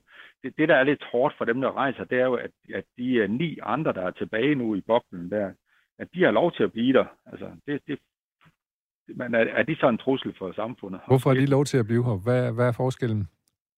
de nåede at få sagsbehandlet deres ophold, inden øh, pandemiloven trådte i kraft. Og den dag pandemiloven trådte i kraft, der stoppede man bare sagsbehandling og sagde, jamen, så må det ikke være, så sagsbehandler vi ikke længere. De er lige skåret fra, så ja, Så må de rejse ud. det er collateral damage der, så lige øh, for den der lovgivning. Det må man godt nok håbe på, man, man kan lave om på. Vi ved også, at studenter, vi har lige haft øh, studenterrådets formand i, igennem for Aarhus Universitet, og de arbejder også lidt på det her med, at det åbenbart også er nødvendigt for internationale studerende at rejse illegalt til Danmark. Altså hvis de har studeret i Danmark, har været udtaget et, et ophold i udlandet i en praktik, og så kommer tilbage til Danmark igen, så er de, så er de nødt til at rejse illegalt ind igen. Men Nej, så, det, er ikke, uh, det er ikke en værdig situation for Danmark. nej, det, det, er, det er hverken, Med den her lovgivning. Nej, vi kan jo tale om, at det ikke er værdigt for det enkelte menneske, der bliver udsat for det her. Og det er jo heller ikke værdigt øh, for, for Dansk Folketing at lave sådan en lovgivning. Og det er jo også, selvfølgelig også uværdigt for skoler, som jeg har måttet sende folk hjem og skal hjælpe. I må bruge, dels må I bruge rigtig meget tid på det. Kan forestille mig, det er jo ikke noget, man bare lige gør sådan øh, overnight for alle de der flybilletter og så videre. Det er der to, der sidder og arbejder med fuldtids nu. Ja. På den anden side, så må jeg også sige, at det er jo et mønstereksempel på, hvordan demokrati arbejder. At der er, der er, det er ganske almindelige mennesker, der laver lovgivning her i Danmark, ikke? Og, Ja. ja. og der kan komme uhensigtsmæssigheder i det, Ja, og man har mulighed for klart. at klage og anke osv. Men der er bare et bagvedliggende byråkrati, som, som agerer på den her lovgivning. Og så kan det være overraskende for politikere, for jeg selv for folk i styrelserne, at den her uhensigtsmæssighed, den kommer. Og så bliver alle folk sådan lidt larmet, fordi nu er der jo så en, en proces, hvor man skal anke osv. Så, så vores øvrige elever, de ser jo måbende på det her og tænker, er det sådan, demokratiet fungerer? Og så er det jo en, en eksemplarisk øh, undervisningssituation at sige, ja, det er sådan, Det gør det jo. det fungerer. Og så Ja. er der nogle gange, hvor det går galt, ikke? og det hedder byråkrati. Og så kan I se, øh, hvilke udfordringer er. Og det faktisk rammer nogle mennesker, når man laver lovgivning, Ja. ja. man arbejder med byråkratiet i systemet. Men, men, men det var også... Det, det, rører, det rører dem. Ja. Selv- Selvfølgelig. Hvad- Hvordan, hvordan agerer de andre studerende? Har de, hvordan har de, øh, altså de der danske, kan man så sige, øh, elever, du har, hvordan har de reageret på det her? Ja, det, det, det er både forældre og elever, der er berørt af den her situation, ikke? fordi de her unge mennesker, det er, det, er, det er ikke hvem som helst, det er utrolig elskelige og dygtige og smil, eller smilende og glade unge mennesker, som repræsenterer deres land. Nogle af de unge mennesker, vi sender ud her, de er blevet udvalgt blandt tusind unge mennesker i deres hjemland til de her scholarships, og øh, har fået den der helt unikke chance i livet at gå på, på en international skole og forberede sig til at komme videre på anerkendte universiteter. Og, og det er jo noget, som vores danske elever kigger måbende på. Øh, for dem har det ikke været så stort et spørgsmål, hvad de skal, og om de kan komme på college eller på universitet osv. Det er ligesom en del af velfærdssystemet. Men, men at møde de her unge mennesker og, og høre deres historier og blive fascineret af, af, af den her livschance, som de har fået, og deres stærke personligheder, det, det øh, sætter sig spor også i de danske unge mennesker. Så det er med blødende hjerte, at vi skal sige farvel til dem. Det kan, det kan godt forstå. Og så må, jeg synes, tror jeg lige, jeg er nødt til lige at runde igen og sige, at du, som du selv var inde på, så har der næppe siddet nogle politikere tænkt, vi skal lave en lovgivning, så vi kan sørge for at få smidt nogle øh, mønsterelever fra Ranum Efterskole øh, ud af landet. Øh, det er må simpelthen være, øh, fordi at man, der er nogen, der fortolker det, der er skrevet, og som så er skrevet lidt upræcist. Det tror jeg, du har ret i. Og derfor skal vi lave det her kontor for fejlfortolkning Ja. eller for urimeligheder i den danske lovgivning, Ja. ja. så vi kan få en mere menneskelig tilgang til de her byråkratiske øh, problemer, der så opstår omkring mennesker, og især øh, utilsigtede, som, som Ja, ja, de ja, unge mennesker. ja. Ja. Og det, fordi det kommer tilbage til os, det giver os et dårligt omdømme, det, er- Det- det, er uværdigt, det giver mistillid til systemet Hvem, og så hvem, videre, og de, og de, hvem, hvem kunne du godt tænke dig, hvilken politiker kunne du godt tænke dig, der kom op på radaren om efterskole og skulle svare på spørgsmål fra dine elever? Jamen, jeg synes jo, at Magnus Højgen, som, som er direkte reference til i det brev, som de unge mennesker har fået, øh, om at de skal forlade Danmark, at han skal svare på det spørgsmål, der hedder, jamen, hvorfor, dels hvorfor svarer du ikke på din sms, og de jeg sender, Ja. og dels, øh, og, og, og, jeg, og det, han er lovligt undskyld, fordi han har jo, kan man sige, mere end rigeligt at se til, og, og der er nok også, alle har også bemærket de sorte rande under øjnene, der er kommet hos vores politikere her igennem den her krise. Og jeg skal heller ikke tage opmærksomhed fra, fra det, at der er meget større problemer i samfundet, end, end det her problem fra Arne Møbskole. Men, men hvis jeg skulle ønske, at var en person og sige, prøv nu lige at se, jeg lavede en øh, epidemilov eller pandemilov her, og den tilsidesætter på nogle meget væsentlige områder, nogle demokratiske principper om, at der skal være flertal i Folketinget for de beslutninger, man tager i forskellige udvalg. Og der skal selvfølgelig også være en, en rimelighed for, at der kan komme en høring, og der kan komme nogle, nogle- indvendinger i de fortolkninger, som loven gør. Så jeg er sikker på, at vi ikke stod her nu. Så stod ja. vi et helt andet sted, hvor der var givet plads til, at de, der var i Danmark, selvfølgelig kunne få forlænget deres ophold, til de var færdige med deres kurser, og ikke skulle tvinges ud over landets grænser i en coronapandemi. Ikke? Lad, lad os håbe, at de ikke er blevet offer for, at Måns Heunicke, han er for travlt. Magnus Heunicke. Magnus Jamen, Heunicke, ja. øh, jeg tror, det er det, der er tilfældet. Jeg tror, at hvis han havde øh, overskud til det, og embedsmændene havde osv., så, så havde de taget telefonen og sagt, det ser vi på, det løser vi. Ja. Vi har fået en fin behandling ved SIRE, øh, som, som er øh, også hængt ufattelig meget op i den her tid med alle de konflikter, der Du skal kommer. du skal lige fortælle, omkring. Siget er. Det er jo ikke, det er jo ikke hjælpen på en Det- iPhone. Det er, hvem er Siget? Nej, Din- det er, undskyld, ja, Ja. det er Styrelsen for Integration øh, Ja.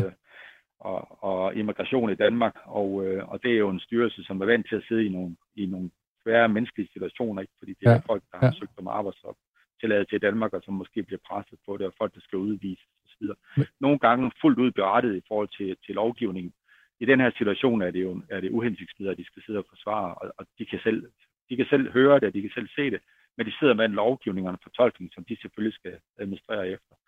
Så, Og- så det er den, det, der er situationen. Og, og de har altså ikke magt til at sige, ved du hvad, det skal vi lige uh, kigge på. Det kan godt være, det tager 14 dage, inden du får svar. Det, det gør de ikke. Der er ikke civil ulydighed til stede derinde i det der siger der. Det er der heldigvis ikke, fordi så, så kunne de nok ikke få den, have det job, de har. Nej. Men, øh, men der er jo helt klart, at vi er behandlet rigtig godt. Altså, Ja. ja. vi har fået de svar, vi, har, vi kunne forvente, ikke? Og, og det har så været mod vores, øh, mod lovens fortolkning, vil jeg sige, og intentionen i loven. Men, men øh, de, de agerer fuldt fornuftigt i det, og det må vi agere efter, og derfor har vi også taget det Selvfølgelig. at skåne de unge mennesker for, Ja. ja. for stormvejret, Ja. at vi så sender, at vi sender dem hjem så godt vi nu kan. Ikke? Øh, jeg skal lige her, her til sidst skal jeg høre, hvad, nu? Er det så bare, nu har I sendt dem hjem, og så er det ligesom kapitel overstået, eller er det noget, som I vil blive ved med at forfølge på en eller anden måde, ud- udover selvfølgelig at undervise jeres nuværende elever i demokratiets øh, goder og, og, og, og fælder? Er det en, er det konkret, vi Det- det- det er på et højere niveau jo, altså at det handler om, at Danmark skal være mere åben for, ja. at, man kan, at man kan komme til Danmark og uddanne sig. For vi skal tænke på, at når vi, når vi sælger, for det gør vi jo, uddannelse til, til unge mennesker fra hele verden, så skal vi ikke importere olie eller metal eller andre råstoffer for at kunne, kunne lave, kan man sige, en uddannelsesmæssig forretning. Det er, det, vi, vi sælger det aller fornemmeste, vi har, nemlig vores værdier omkring demokrati og folkelig oplysning og dannelse, og vi sælger det, som vi er kendte for i hele verden, nemlig høj kvalitetsuddannelse. Og, og det betaler de for. Øh, nogle af eleverne 200.000, 350.000 kroner om året. Ikke? Og det giver altså både beskæftigelse, men det styrker også vores netværk og vores, øh, vores hvad hedder det, øh, anerkendelse rundt omkring i verden. Ikke? Det lever New Zealand højt på, som er en lille stat ikke, i verden, og det lever Australien ekstremt godt op på, højt på, og Ja. Canada er jo det kæmpe forretning. Ikke? Og Finland er startet på det. Hvorfor kan vi ikke i Danmark øh, have en åben dør til, at vi kan sælge uddannelse, for eksempel på de frie skoler? Det, det har vi her med, Olaf Storm, slået et slag for her i programmet, og vi har også slået et slag for de øh, seks studerende, som man nu må øh, ile ud af landet på grund af en ny øh, epidemilovgivning. Vi håber det bedste for, øh, for de seks elever, og selvfølgelig også for din skole deroppe. Men det lyder som om, de er meget gode hænder. Ja, Tusind tak, fordi du tog dig tid til at være med her i programmet. det var så lidt. Hey, og vi er færdige med første time, og øh, vi kan lige lægge ligge op på skyen her og sejle ud.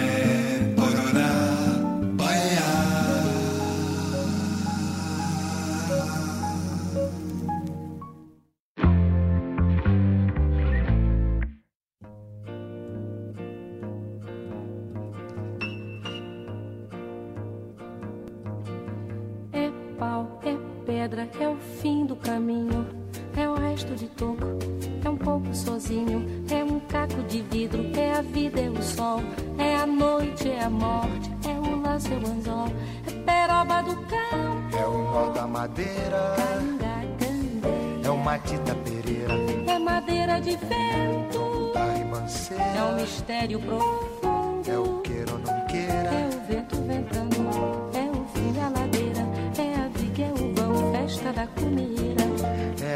Chuva chovendo, é conversa ribeira das águas de março, é o fim da canseira, É o pé, é o chão, é a mastradeira, passarinho na mão, pedra de atiradeira, é uma ave no céu, é uma ave no chão, é um regato, é uma fonte. é um pedaço de pão, É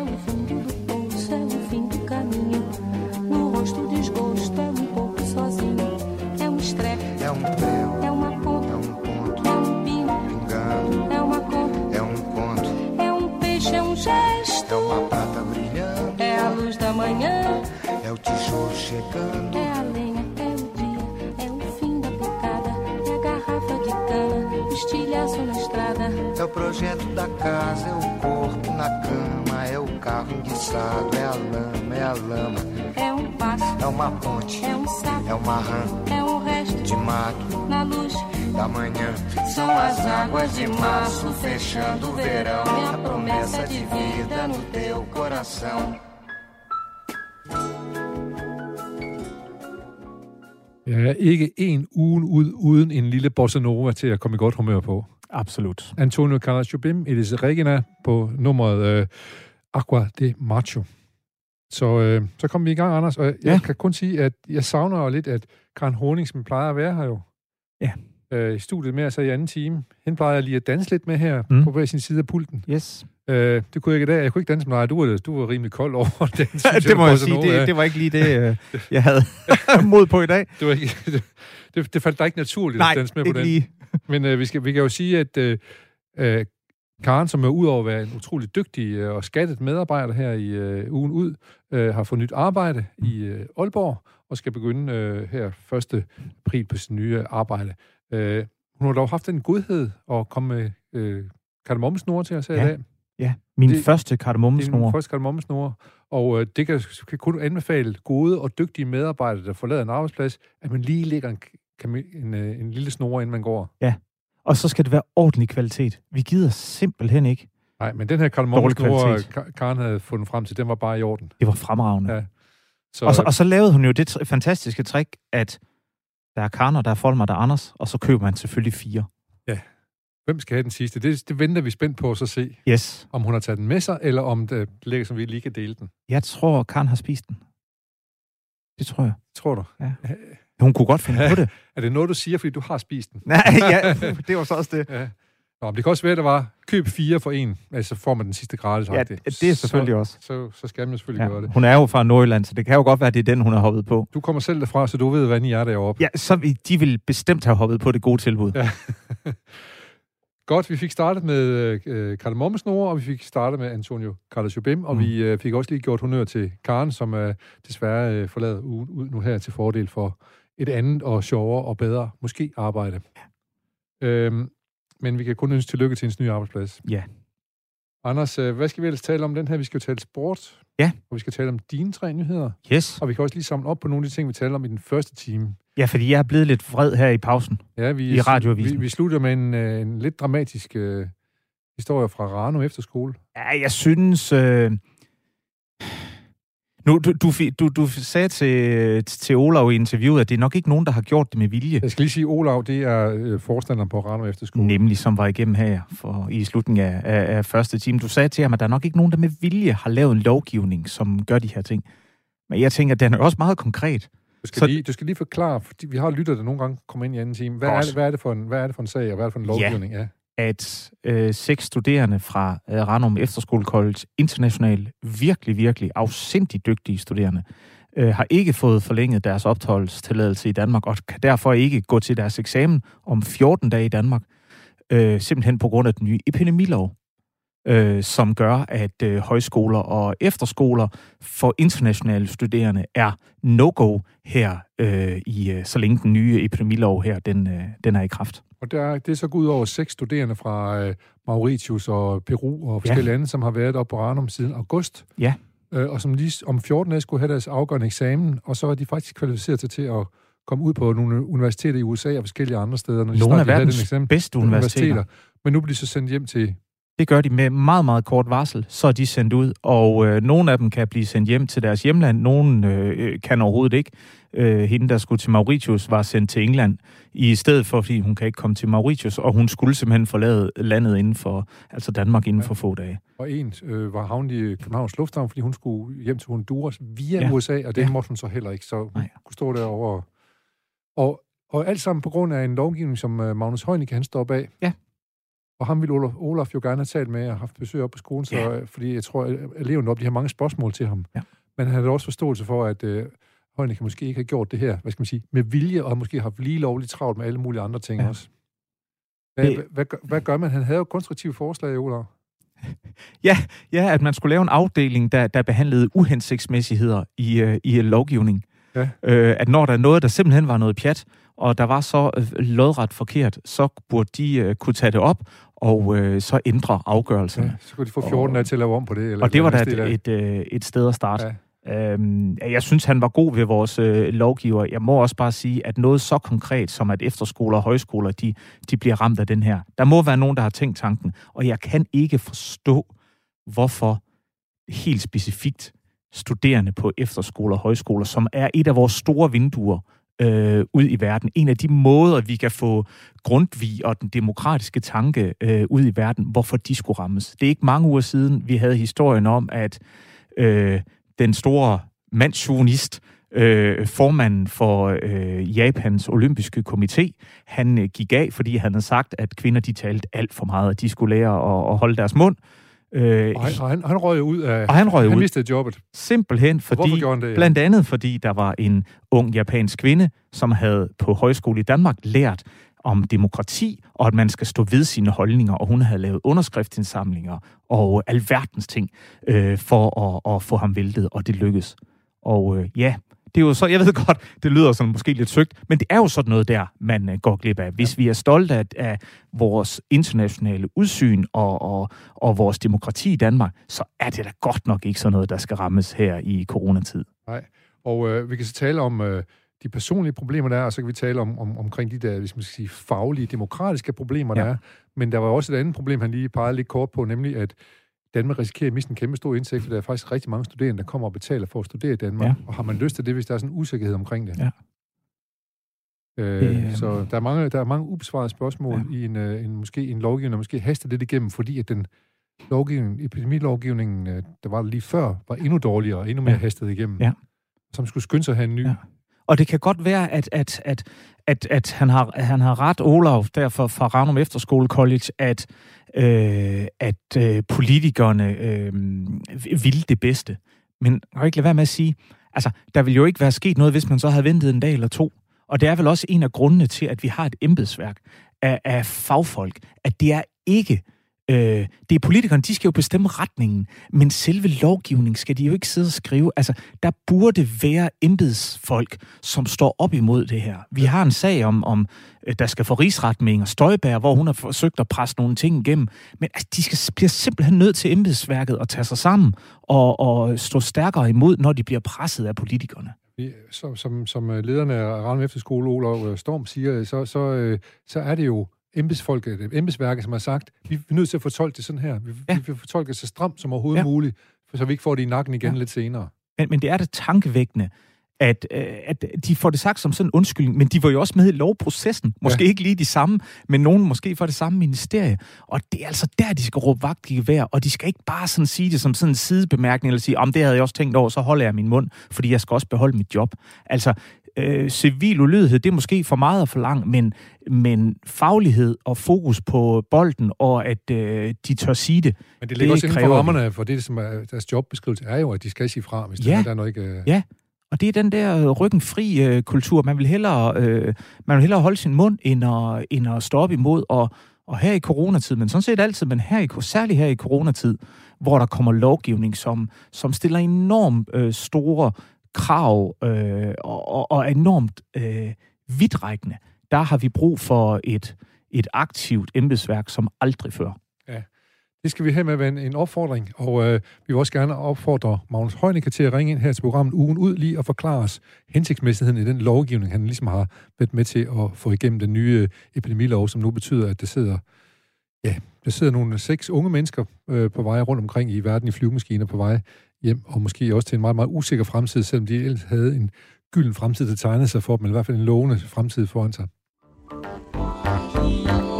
Hvad er nu det? Det er jo sport. Der er sport til dig, der er sport fra mig, der er sport for ugen ud til dig.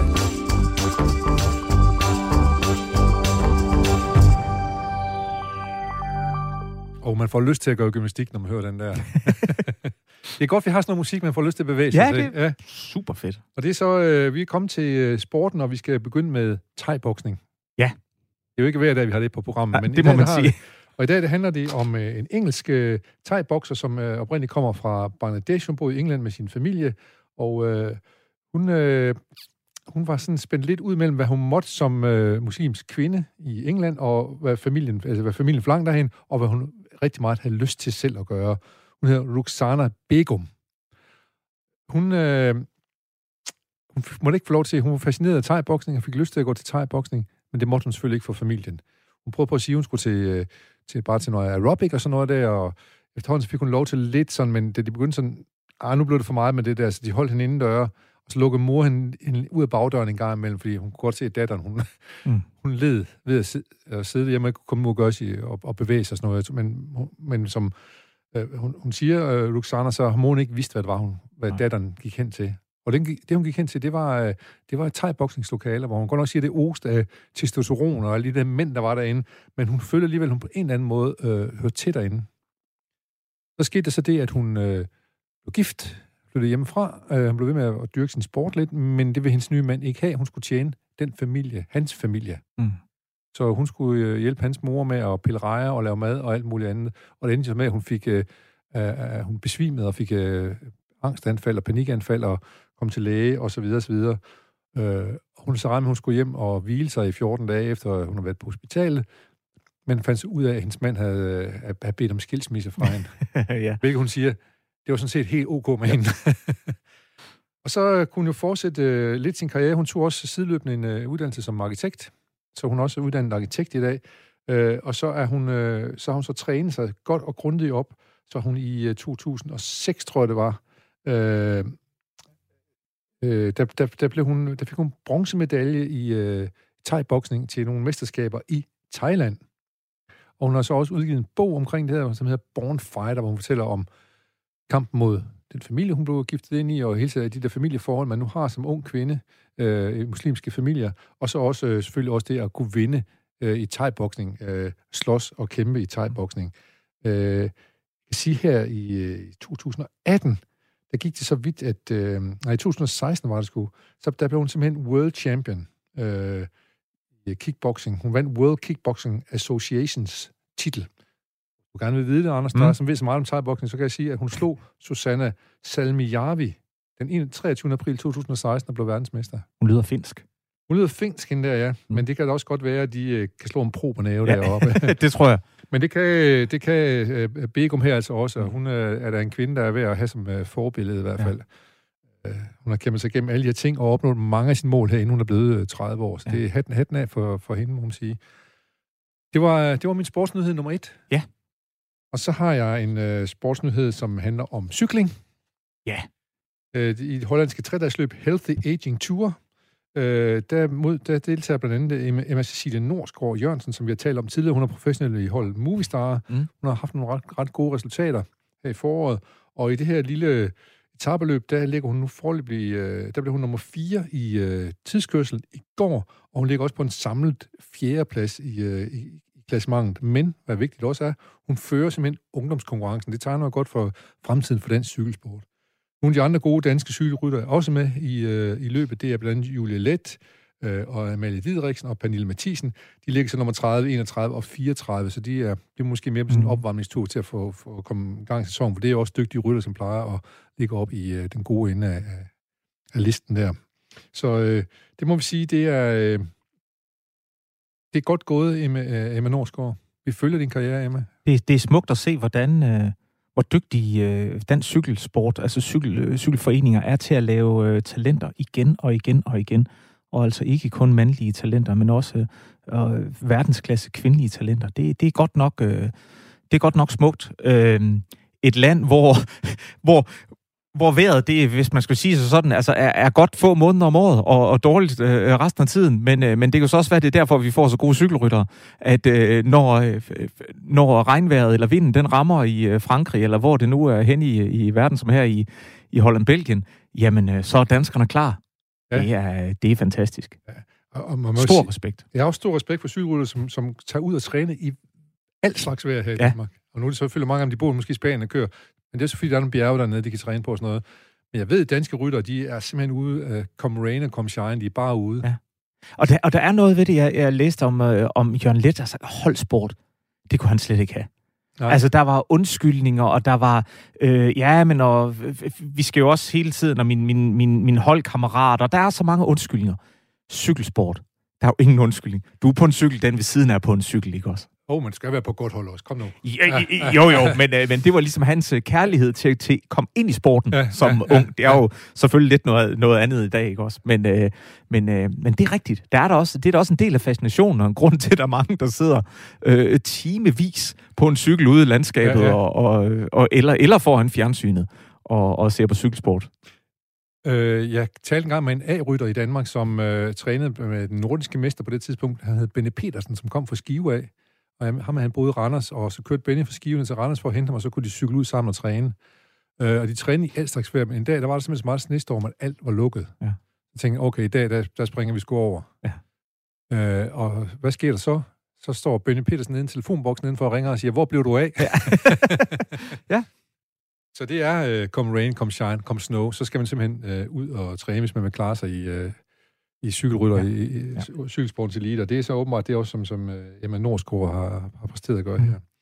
Så øh, vi havde thai-boxing, det snakker vi ikke så tit om. Cykling taler vi tit om. Så øh, er der en sportsgren, som har den officielle titel øh, øh, Iditarod Sled Dog Race. Det er simpelthen hundevædeløb. Det er simpelthen, øh, man sidder i en kælk, og så skal man øh, se, hvem der kommer først Åh over oh, ja, Alaska. sådan øh, øh, inuit... Øh, Hu- Hundeslæde, ja. ja, ja, ligesom, hvad hedder Sirius-patruljen. Yes, Og, yes. men det er også en sportsgren.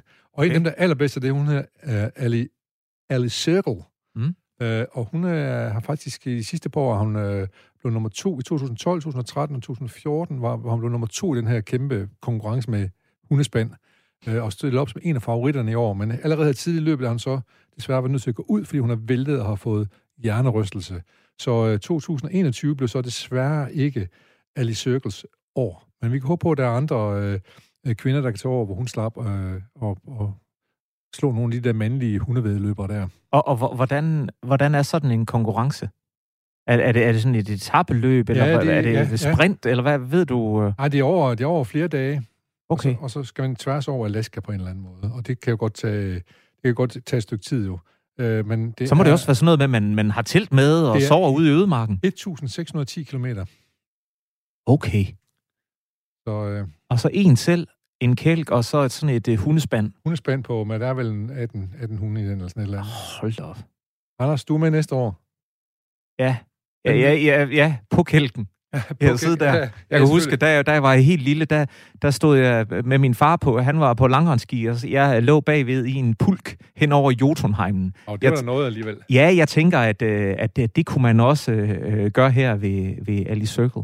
Om jeg ikke kunne komme med der. Det kan også være, hvem ved, om Karen, hun, øh, ikke, hun har sagt, hun skal starte et nyt job og ikke kan arbejde for os, fordi hun skal op til Aalborg. Måske er hun faktisk med i et hundevædeløb i Alaska. Måske er det i virkeligheden det, hun heller vil. Ja. Ligesom hende der, vores øh, thai som smutter ud af bagdøren Ja. til thai Men, men så må vi sige, Karen, hvis du hører det her, så må du gerne sige det, hvis det er det, fordi det vil vi synes er ret sejt. Så vil vi gerne have en reportage. Ja. Så var det, må man sige. Øhm, vi kan sige, her i første time, der havde vi en, der havde, havde vi en del, der handlede om, blandt andet om, udover det handler om øh, studerende på Ranum, og vi snakkede også med øh, nye leder af Studenterrådet i Aarhus, øh, så havde vi også nogle historier omkring øh, øh, dødsfald, som var menneskeskabte og som var helt unødvendige. Her kommer en sang om død. Det er Randy Newman, der har skrevet den. hedder, den handler egentlig om rockmusikere, som tror, at de stadigvæk er stjerner. Den hedder I'm dead, but I don't know it.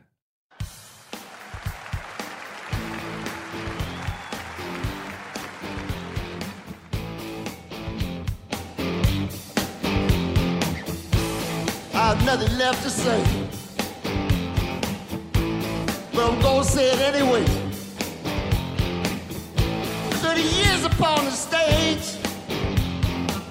And I hear the people say, Why won't he go away? past the houses of the dead. They're calling me to join their group. But I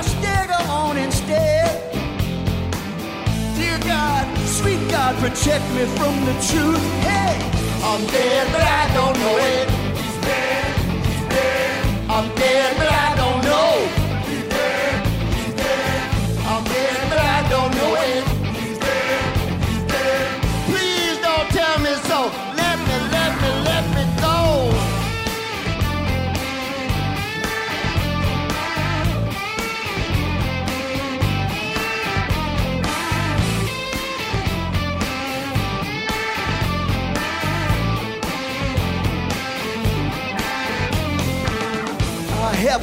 Family to support. Surely that is no excuse. I've nothing further to report. Time you spend with me, it's time you lose. I always thought that I would know when it was time to quit. When I lost a step or two or three or four or five, Notice it. But now that I've arrived here safely, I find my talent is gone.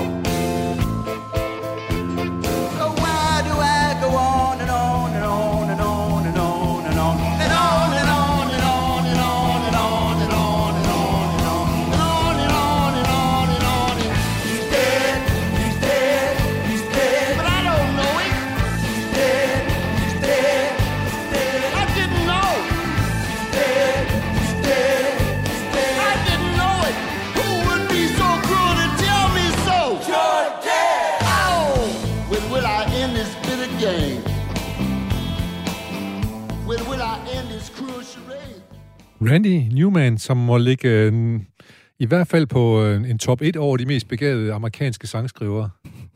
Øh, nulevende amerikanske ja. sangskrivere, må man sige. Og hvis nogen synes, de øh, genkendte øh, Don Henley stemme, Don Henley fra Okay, Eagles, ja. så var han faktisk med på det her nummer også sammen med Randy Newman, som det var en særlig optagelse, vi hørte her fra en, en Grammy, en Grammy Festival, hvor de spillede nummer I'm Dead, But I Don't Know, som hilsen til nogle af alle de der rockmusikere, som egentlig er dampet af, men stadigvæk opfører sig, som om de var 19 år og var helt på toppen. Ja. I'm dead, but I don't know. Han har, han har humor, og, han, øh, og det, han laver, det går også ondt et eller andet sted. Så jeg kan kun anbefale folk at tage fat i Randy Newman. Men lige nu, der skal vi have fat i Anders, som har lavet en top 3 over nyheder for ugen, der er gået. Og øh, jeg kan sige, jeg tror ikke, der er noget med dans i, for du vil heller ikke danse øh, med mig til den her, vi lige hørte med Randy Newman. Så der var nødt til at danse med nogle af dem, der var ude på den anden side af glasruden. Ja, ja. Men okay, det er måske mig, der er noget galt med. Men nu tager vi i hvert fald de tre nyheder. Altså. Jamen, det gør vi, og, øh, og øh, de, der kender mig, vil, vil nok øh, give mig ret, når jeg siger, at jubilæer, det er normalt noget, jeg glemmer. Øh, men, i, men i den her uge, der synes jeg simpelthen, at, øh, at vi har haft nogle tankevækkende jubilæer, som har overhalet øh, ugens nyheder. Så dem har jeg taget tre med øh, her i dag. Men det er, det er jubilæer, som har været i, i den kommende uge, eller for, forløbende uge. Nemlig, ja. nemlig. Og øh, den første, der skal vi til øh, øh, Bahrain. Det ja. arabiske forår har haft øh, 10 års jubilæum. Jeg kan, ikke, jeg kan ikke lige lade være med at tænke på, hvis vi går 10 år tilbage i tiden, vil vi så have haft historier fra Bahrain og øh, Arabiske Emirater og Saudi-Arabien, som vi har haft flere gange i det her program?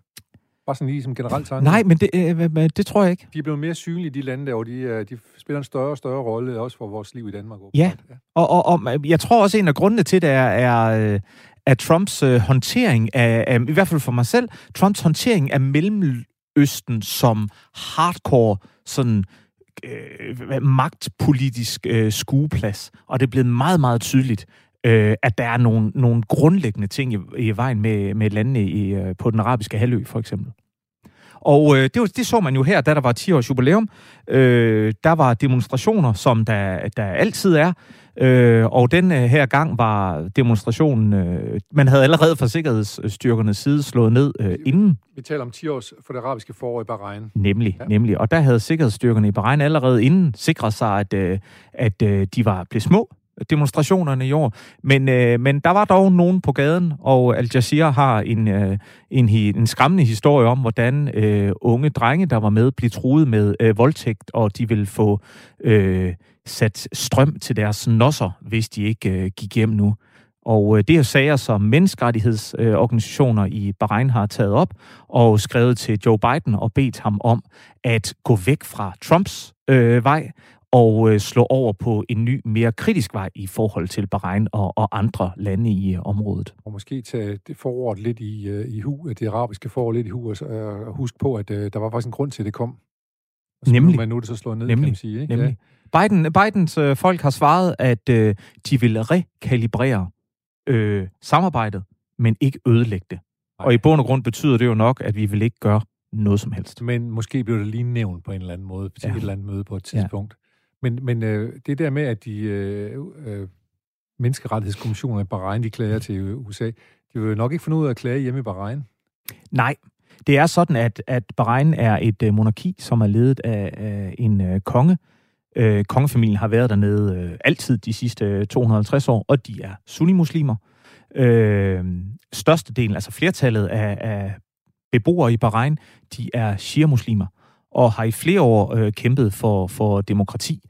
Øh, det arabiske forår for 10 år siden blev slået ned, ikke bare af Bahrains egne sikkerhedsstyrker, de fik simpelthen hjælp af sikkerhedsstyrker fra de arabiske emirater, og ikke mindst fra Saudi-Arabien, Som er sunni-muslimske. som, er, som også er sunnimuslimer, ja. Og de, de, blev, de kom ind og hjalp med at slå demonstrationerne ned. Øh, Vesten, USA, har ikke gjort noget. Hvorfor har de ikke det? Ja, USA's øh, femte flåde, de har simpelthen hovedbase i Bahrain. England har en stor flådebase øh, i Bahrain. Bahrain ligger lige i smørhullet mellem den store mellemøstlige fjende Iran og blandt andet Saudi-Arabien, som også har stor støtte for USA. Så, øh, så hvis man var sådan lidt øh, ja, konspiratorisk anlagt, så, så kan man i hvert fald godt komme med mange argumenter for, hvorfor Vesten har svært ved at gøre noget ved situationen i Bahrain. Det sker vel også tit det, at hvis Vesten begynder at presse nogle steder, så, så giver det også et bagslag internt i landet. Måske for det, man kæmper, vil kæmpe en sag for, kan man sige.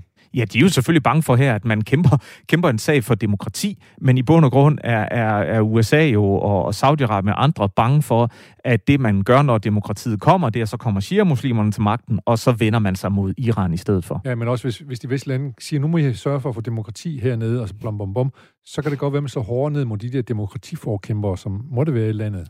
Det er selvfølgelig også, øh, det er selvfølgelig også rigtigt. Og, og, øh, og Bahrain er måske en lille spiller, fordi øh, så er det Emiraterne, der er de næste.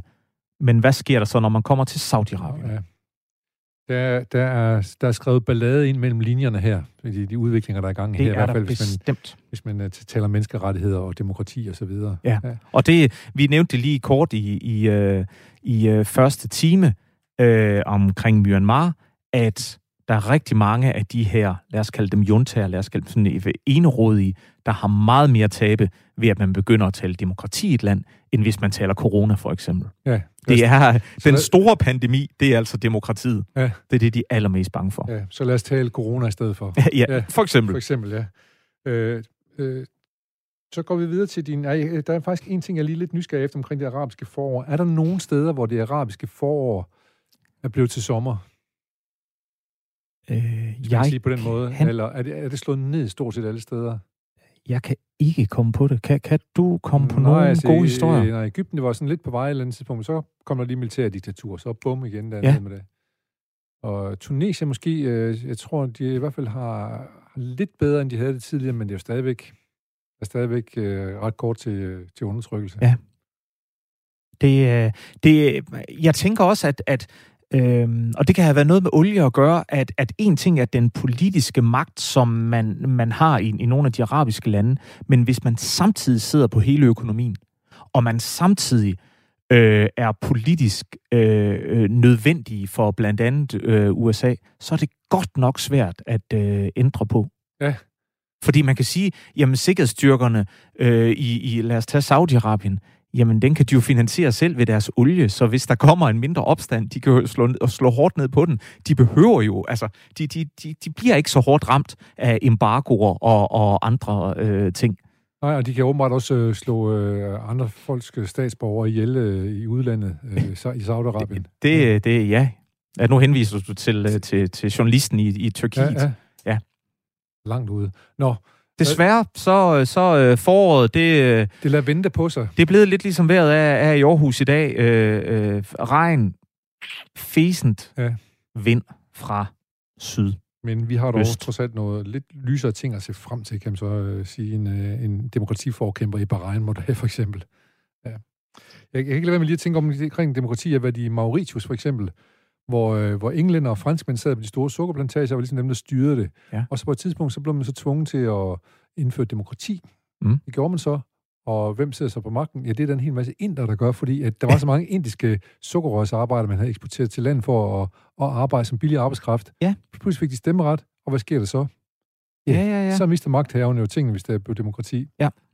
Man kan også sige, øh, det kan også have en, en anden vinkel, der jeg kan huske også i uh, Algeriet, hvor der var demokratiske valg, øh, og så det parti, som uh, vinder, det hedder FIS, F-I-S, og de havde som punkt, nummer et punkt på dagsordenen, det var afskaffe demokratiet. Ja. De blev valgt ved demokratisk valg, og så begyndte de at afskaffe demokratiet. Ja, ja, ja. Så øh, det kan, alting kan jo give bagslag, så øh, ja. Anders, du har en nyhed nummer to. Hvad går den ud på? Det er også et Det har jubilæum, jeg. du har kørende her. Det er 10-årsjubilæum. øh, også et 10 års, eller det er her, det er så et 10 års jubilæum. Det er simpelthen 10 året fra Fukushimas atomkatastrofe. Øh, for 10 år siden, øh, i går, torsdag, der var der øh, en stor, øh, der var jordskælv i Japan, en stor tsunami, væltede ind over kysten. Et jordskæld ud havet, som sendte en tsunami i gang. Ja. Ja. væltede, vandet væltede ind over kysten og ind over det store atomanlæg i uh, Fukushima, som simpelthen, uh, ja, kort fortalt, gik i stykker. Og uh, der kom et stort uh, radioaktivt uh, udslip, og det var der 10-årsdag for i, uh, i går torsdag. Og hvordan blev det markeret i øh, Japan? Jamen, det er, det er en stor diskussion i øh, Japan, for man har på den ene side befolkningen, man, man tvangsflyttede øh, næsten 200.000 borgere væk fra Fukushima-området. Man har stadigvæk 40.000, som er klassificeret som flygtninge fra Fukushima, som er placeret andre steder øh, i Japan. Man var bange for at blive udsat for radioaktiv stråling. Man er bange for, det er. rad- for radioaktiv stråling. Flere er kommet tilbage. Man har stadigvæk store mængder radioaktiv vand, som, som man ikke ved, hvad man skal stille op med, som man, man har låst inde i sådan nogle store tanke, men som man på et eller andet tidspunkt bliver nødt til at tage stilling til, hvad skal man gøre ved det? Så historien er slet ikke slut. Man har ikke haft et boom i krafttilfælde og sådan noget, som man havde troet. Men man er stadigvæk enormt bange for den virkning, der vil komme på lang sigt- og man har stadigvæk en radioaktiv stråling i området, som er større end eksperter, øh, forskere, de siger er Sundt. Er, er sundt. Og man kan heller ikke vide, hvad der er gjort ved, ved, ved havet og ved, ved fisken i havet. Nej. Og japanerne spiser mange fisk, ligesom vi andre Og, også og, gør. og nu snakker man om at, at hælde vandet ud i, øh, ud i havet, for hvad skal man ellers øh, øh, gøre med det på et? Du kan jo ikke, altså, det skal jo et eller andet, det her ja, vand. Ja. Øh, så det er jo den ene del af det, og det har givet en enorm skeptisk over for atomkraft i øh, Japan. Mere end halvdelen er imod atomkraft. For os danskere kan det måske ikke lyde meget. Man skal bare huske, at Japans energisystem er baseret på atomkraft. Japans øh, energipolitik, regeringen går stærkt ind for atomkraft, vil gerne have mere atomkraft. Så, så der er en stor diskussion i Japan øh, omkring det her, som... Øh, øh, hvor, hvor, hvor befolkningen også er ude at sige, og, og aktivistgrupper er ude at sige, jamen, jamen regeringen skjuler noget øh, for os, og taler det altid op som om, der ikke er noget som helst i vejen. Og det er faktisk en af de store skillelinjer, der er i øjeblikket i, i japansk politik. Så man har fundet ud af, at øh, atomkraft faktisk også er sårbart. Ja, Ja, den her ulykke, eller den tsunami, der kom der. Ja. det... Øh, Og, det, og det kommer så nærmest i forlængelse af, at flere og flere begynder at tale lidt varmt for, måske skal man også have lidt atomkraft i Danmark og forskellige andre steder, fordi det er en ren energiform.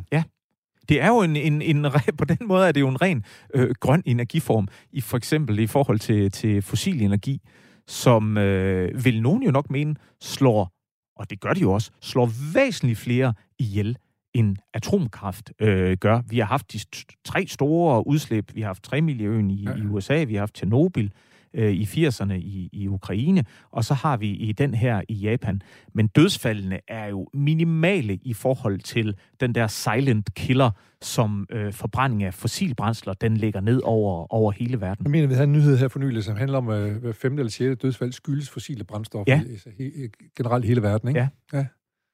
Og øh, udfordringen med, med sol, øh, solenergi og med vindenergi er jo, at hvis solen ikke skinner og det ikke blæser, hvor fanden får vi så vores strøm fra?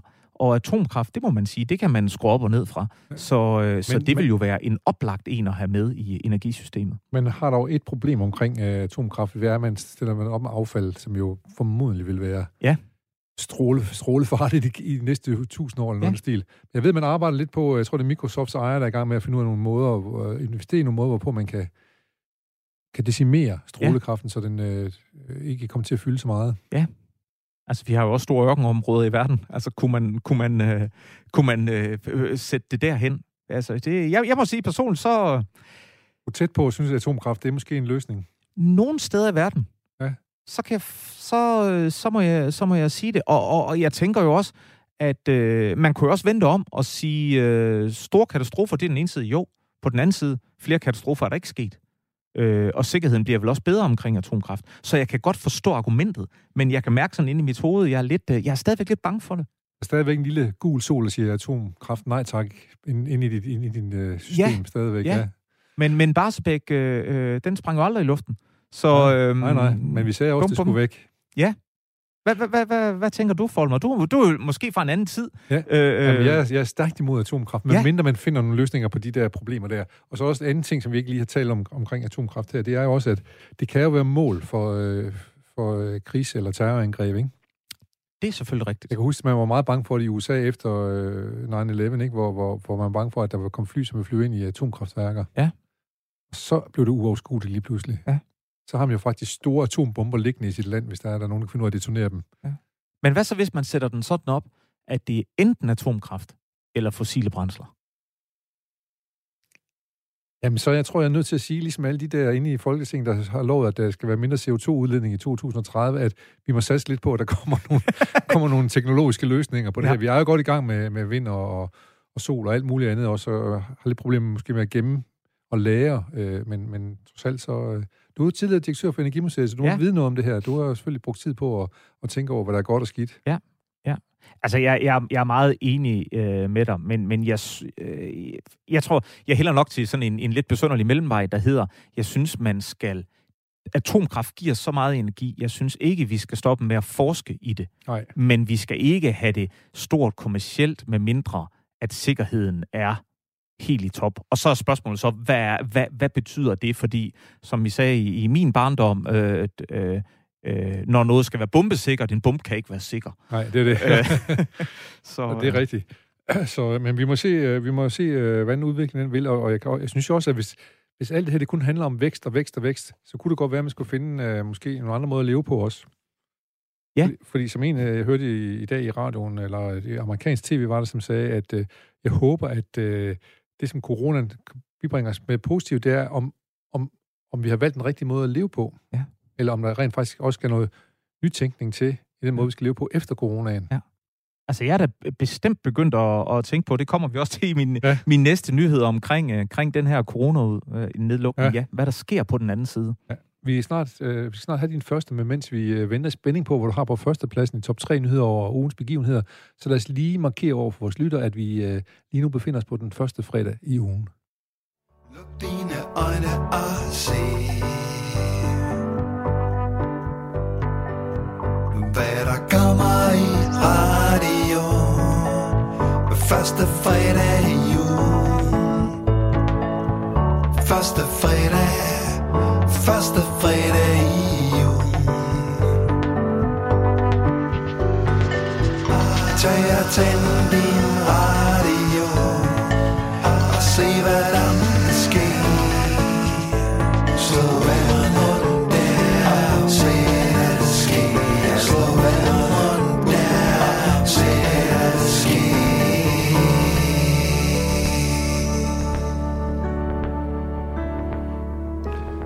Var vi heldige, vi er begavet med alle de her rigtig gode øh, jingler, kan man sige, eller små melodier til vores program her, de, øh, vores sportsjingle, vores øh, første fredag ugen jingle, vores lille bossa nova sky og sådan noget. Ja. Det er lutter gode sager, synes jeg. Det, det, det er jo det, vi, vi skal huske, at for at vi kan stå her og, og, og kloge os, så er der jo sådan en gruppe bag ved os, der får os til at lyde og ikke mindst, ja, og måske jeg skulle til at sige se godt ud, men måske mest lyde godt. Mest lyde godt. Det er jo for vores fordel, det er radio, det her, kan man så sige.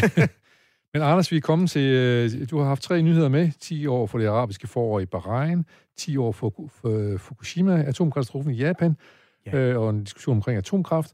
Og så på den første plads, hvad har du der? Ja, for mange danskere, der, hvor skræmmende atomkraft end kan være, så var den her endnu mere skræmmende øh, torsdag. Det var også i går, 11. marts. Det var etårsdagen for den første coronanedlukning i øh, Danmark. Det må man sige. Og hvad får det der til at tænke? Konstaterer det bare, eller hvordan har vi, hvordan har vi klaret Jamen, det? jamen øh, den, den ene, det, det er jo sådan en øh, papmaché-hjerne.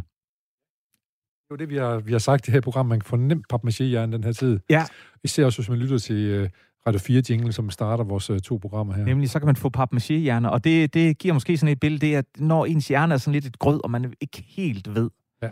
Jeg glæder mig usigeligt til, at det er ved at være slut. Ja. Jeg har simpelthen for, det, fået for det tror nok. du på, det er. Jamen, det bliver det jo nødt til at være. Altså, ja, man skal jo have et eller andet at tro på. Ja. Øh, jeg virker... Jeg, jeg, jeg er ikke en af dem, der... Så hellere tro end at frygte, fordi det gør en forskel. Ja, ikke også? Ja. Ja. Altså, det, jeg er en af dem, der øh, frygt, det, det, det bider sgu ikke på mig. Jeg kan simpelthen mærke, at jeg skal have noget, jeg skal tro på. Jeg skal have en Obama, der står og siger øh, håb, håb, håb. We can do it. Nemlig. Og øh, det er også det, som man kan høre Biden, han prøver på at gøre med sin tale her i, Ja. til Nationen i går aftes, øh, hvor, han, hvor han siger, at øh, måske 4. juli på øh, amerikanens øh, uafhængighedsdag, der Ja. har vi alle sammen fået øh, vaccinen, og vi kan bevæge os ud frit, forholdsvis frit ud på Ja. gader og stræder. Og, og jeg så, og den, den synes jeg, den, den, den siger alt, så en, øh, en øh, nyhed i går, hvor et, øh, forsknings, en forskningsgruppe fra Roskilde Universitet har beregnet, at hvis man ikke havde gjort noget, så havde vær- været 17.500 danskere døde i stedet for 2400. Og hvis den britiske variant var regnet ind, så var 35.000 øh, danskere øh, døde. Og øh, rent journalistisk, så bliver det til, jamen hvor er det godt, man lukker ned, og øh, så er der en, en anden forsker, som, øh, som ret lakonisk, det synes jeg er fantastisk, professor i sundhedsøkonomi, Jakob Kjellberg, der siger, åh, men det er jo sådan ret hypotetisk det her, også fordi vi havde jo nok fundet på en eller anden form for øh, restriktion. Så, så det, det, altså, man kan jo ikke bare sige, at hvis vi ikke havde gjort noget, det får det hele tiden at lyde som om, at, at, at Dommedag. at og dommedag, der. at det ville være kommet, og, og nedlukken, den var helt fantastisk. Og han lægger jo også lidt op til en diskussion, vi skal have på den anden side. Altså, den her nedlukning skulle den have været lige så hård, som, som den har været. Kunne færre restriktioner ikke også have øh, gjort det? Hvad, hvad, hvad tænker du? Jeg synes, at i starten var det egentlig okay, øh, men han har fornemmelse af, godt, lad os, lad os øh, lukke ned og lige trække vejret og sige, "Pff, hvad omfang skal det her have, Ja. ja. og hvor alvorligt osv. er det. Men så synes jeg her i anden omgang, der er det blevet sådan lidt, at der kommer nogle selvmodsigende ting, Ja. øh, som gør, at det er svært at tage, tage af. Vi ved godt, der skal være nogle nedlukninger, men der er nogle restriktioner, men der er også nogen, som virker, hmm, hvorfor nu det? Hvorfor må man det, når man ikke må det? Ja, jamen, jeg, er- jeg er meget på, øh, på de 12. Øh, jeg synes, i, i løbet af efteråret, der begyndte det at blive synligt, at, at øh, de første nedlukninger var, var skæve og havde ramt folk skævt. Der var nogen, øh, øh, der, der slet ikke blev ramt, der bare skulle arbejde videre. Der var nogen, øh, de fik lov til at øh, gå hjem øh, fuld løn, ikke øh, lave voldsomt meget. Øh, så var der nogen, der virkelig var hårdt ramt. Øh, øh, restauranter, øh, andre øh, øh, barer og sådan noget. På deres Kulturinstitutioner, ja. kulturinstitutioner, på deres økonomi. Der var nogen, der var gået øh, psykisk ned. De unge var ramt rigtig, rigtig hårdt. Og så går man ind, og så lukker man ligesom, uden at man ser på, på hvordan de, de første restriktioner er ramt, så går man bare ind og laver i bund og grund mange af de samme restriktioner igen. Men det betyder jo, at vi står nu her øh, øh, først i marts og har en, en nedlukning, som bare har været enormt skæv. Og når man så bliver ved med at tale frygt, og man skal passe på, og ikke ligesom viser en, øh, et håb og en vej ud, og man ikke får fortalt, øh, hvad det er, om man vil gøre noget ved, ved, ved de her forskelle, som, som nedlukningen han har skabt. Øh, det gør, at der er mange, tænker jeg, der står tilbage og tænker, jamen hold nu kæft. Altså, jeg kan ikke rigtig forstå, hvorfor nedlukningen øh, øh, kom overhovedet. Jeg er blevet ramt meget mere end min nabo. Øh, er det fair? Ja, og, det, og der må man sige, så må vi have det der berømte læne sig op af videnskaben, som de rådgiver, altså det er politisk, men øh, man, undgår ikke nogen af beslutningerne, de bliver politiske i hvert fald. Nej, det har vi jo også fået ja. at vide øh, mange gange her, at det er en politisk beslutning. Og så må man jo sige, at øh, for en videnskabsmand, der er ordet fair sådan set ret øh, ligegyldigt. Hvad skal en biolog med øh, ordet fair? Ja. Men for en politiker er det vel noget af det absolut øh, øh, væsentligste.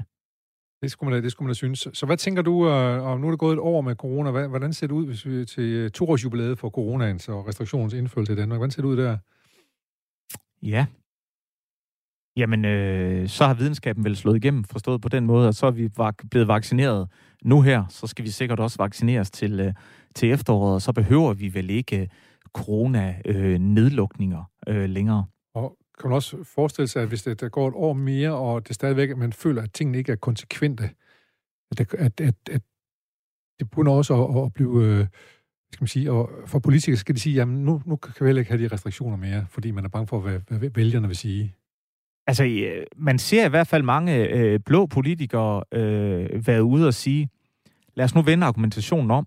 Udgangspunktet er ikke, at vores land er lukket. Hvad er det nu det for noget? Udgangspunktet er, at vores land altid er åbent. Så hver gang, så skal vi ikke diskutere, hvad der skal åbne. Nej, vi skal diskutere, hvad der skal lukke øh, i stedet for. Og hvis man laver den tanke, så er det måske nogle andre øh, logikker, end hvis man hele tiden, øh, hvis man vender den om på den måde, den er i dag. Og det, øh, det, det tror jeg, det vil, det vil man se øh, øh, mere og mere, at, at de her nedlukkende rammer så hårdt, at øh, ja, folk også øh, er imod. Der var senest i den her uge, det var den første, jeg har set, en meningsmåling, der viser, at flertallet danskere mener, at man skal genåbne folkeskoler helt. Ja, og det kommer formodentlig også jeg kan se, at Mette Frederiksen har været ude at sige nu i TV2-program her, Ja, at det også? nu er åbent i nok snart, fordi hun kan godt mærke, hvad vej øh, Ja, hvad, blæser. Ikke? nemlig.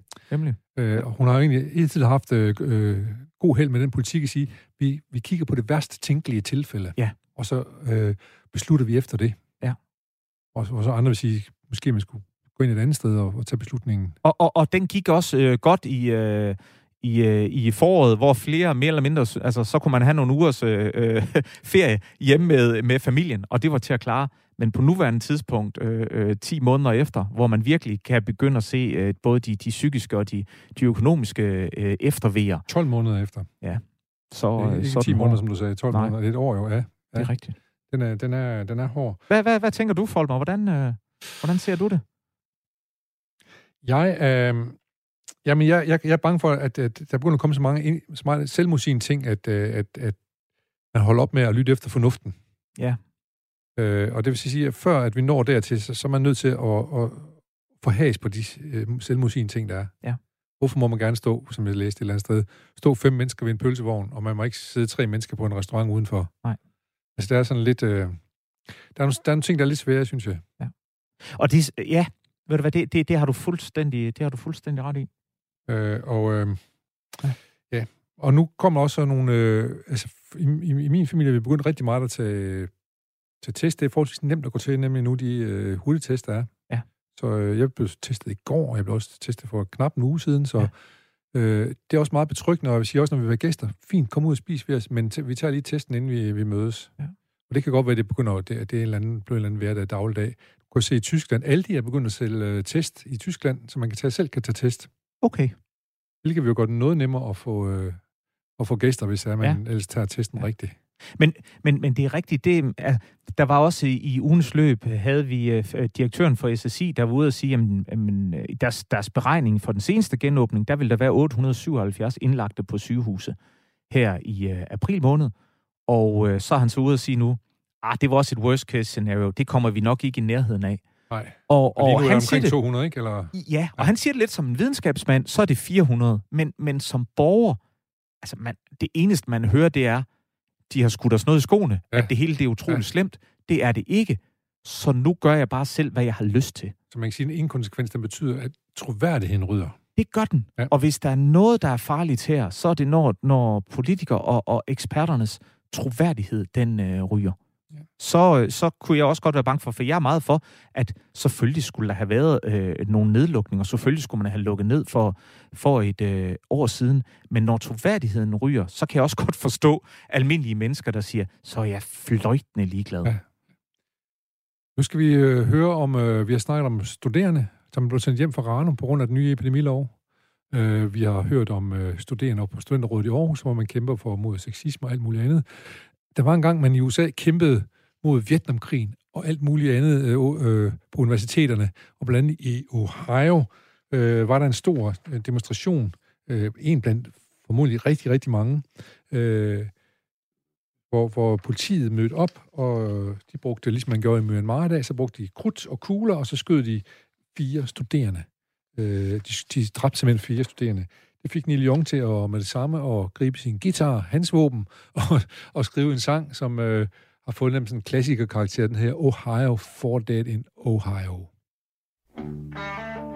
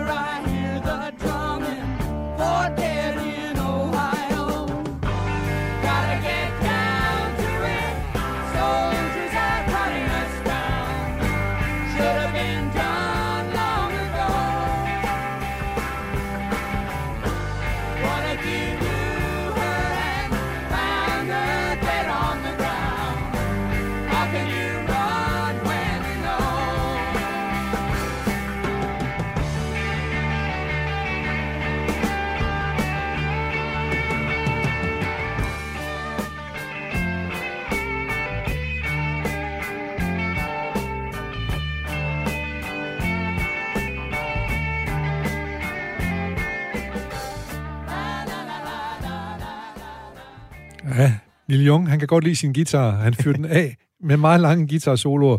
Men jeg tror, at budskabet det var til at forstå her, for Dead in Ohio, 10 soldiers and Nixon are coming. Det var dengang Nixon var præsident i uh, Mm. USA.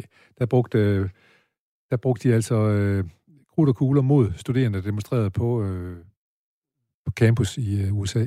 Ja. Det var også en fremragende film, som handler om uh, demonstrationen i USA på det tidspunkt. Uh, den, den handler om retssagen om de der seks mennesker. Uh, Ja, i, i Chicago. Chicago 6, tror jeg, ja, den hedder. Ja. ja. Skide god film. Yes. Øh, men øh, på en dag, hvor øh, en kvinde har fået øh, to års fængsel for at opbilde til demonstrationer, for at opbilde til at smadre byen på en ikke voldelig måde. Ja. Det, vi snakker lige om corona, hvad der skete her. Nu er der åbenbart nogen, der er begyndt at sige nu. Men to års fængsel, er det så, tror du, det er betinget eller ubetinget? Det, jeg tror, hun kommer, kommer ind og sidde. To år? Det er sikkert, fordi det er epidemiloven. Den øh, gør sikkert, at øh, man, øh, der er en skærpelse i, i straffeloven, på, fordi det er i, i en epidemisituation. Så øh, det, det kan jeg kan ikke forestille mig andet. Det er vildt. Jeg synes, det lyder vildt. Ja, jeg er enig. Øh, men der er helt taget der er rigtig mange ting, der, der er vilde. Vi har ikke... Øh, også, vi, hvis man skal tro Ekstrabladet, så er det også vildt, at, øh, at øh, hvad hedder ham, ham der, Holger Rune, tennisspilleren, han har fået en ny frisyr. Ja, ved du hvad? Øh, ja. Var du inde og klikke på den for i at se, anden. hvorfor den var sådan? Nej, det var jeg ikke. Nu, Nej. nu, ja, nej. Men har han ikke bare sådan lidt grydefrit?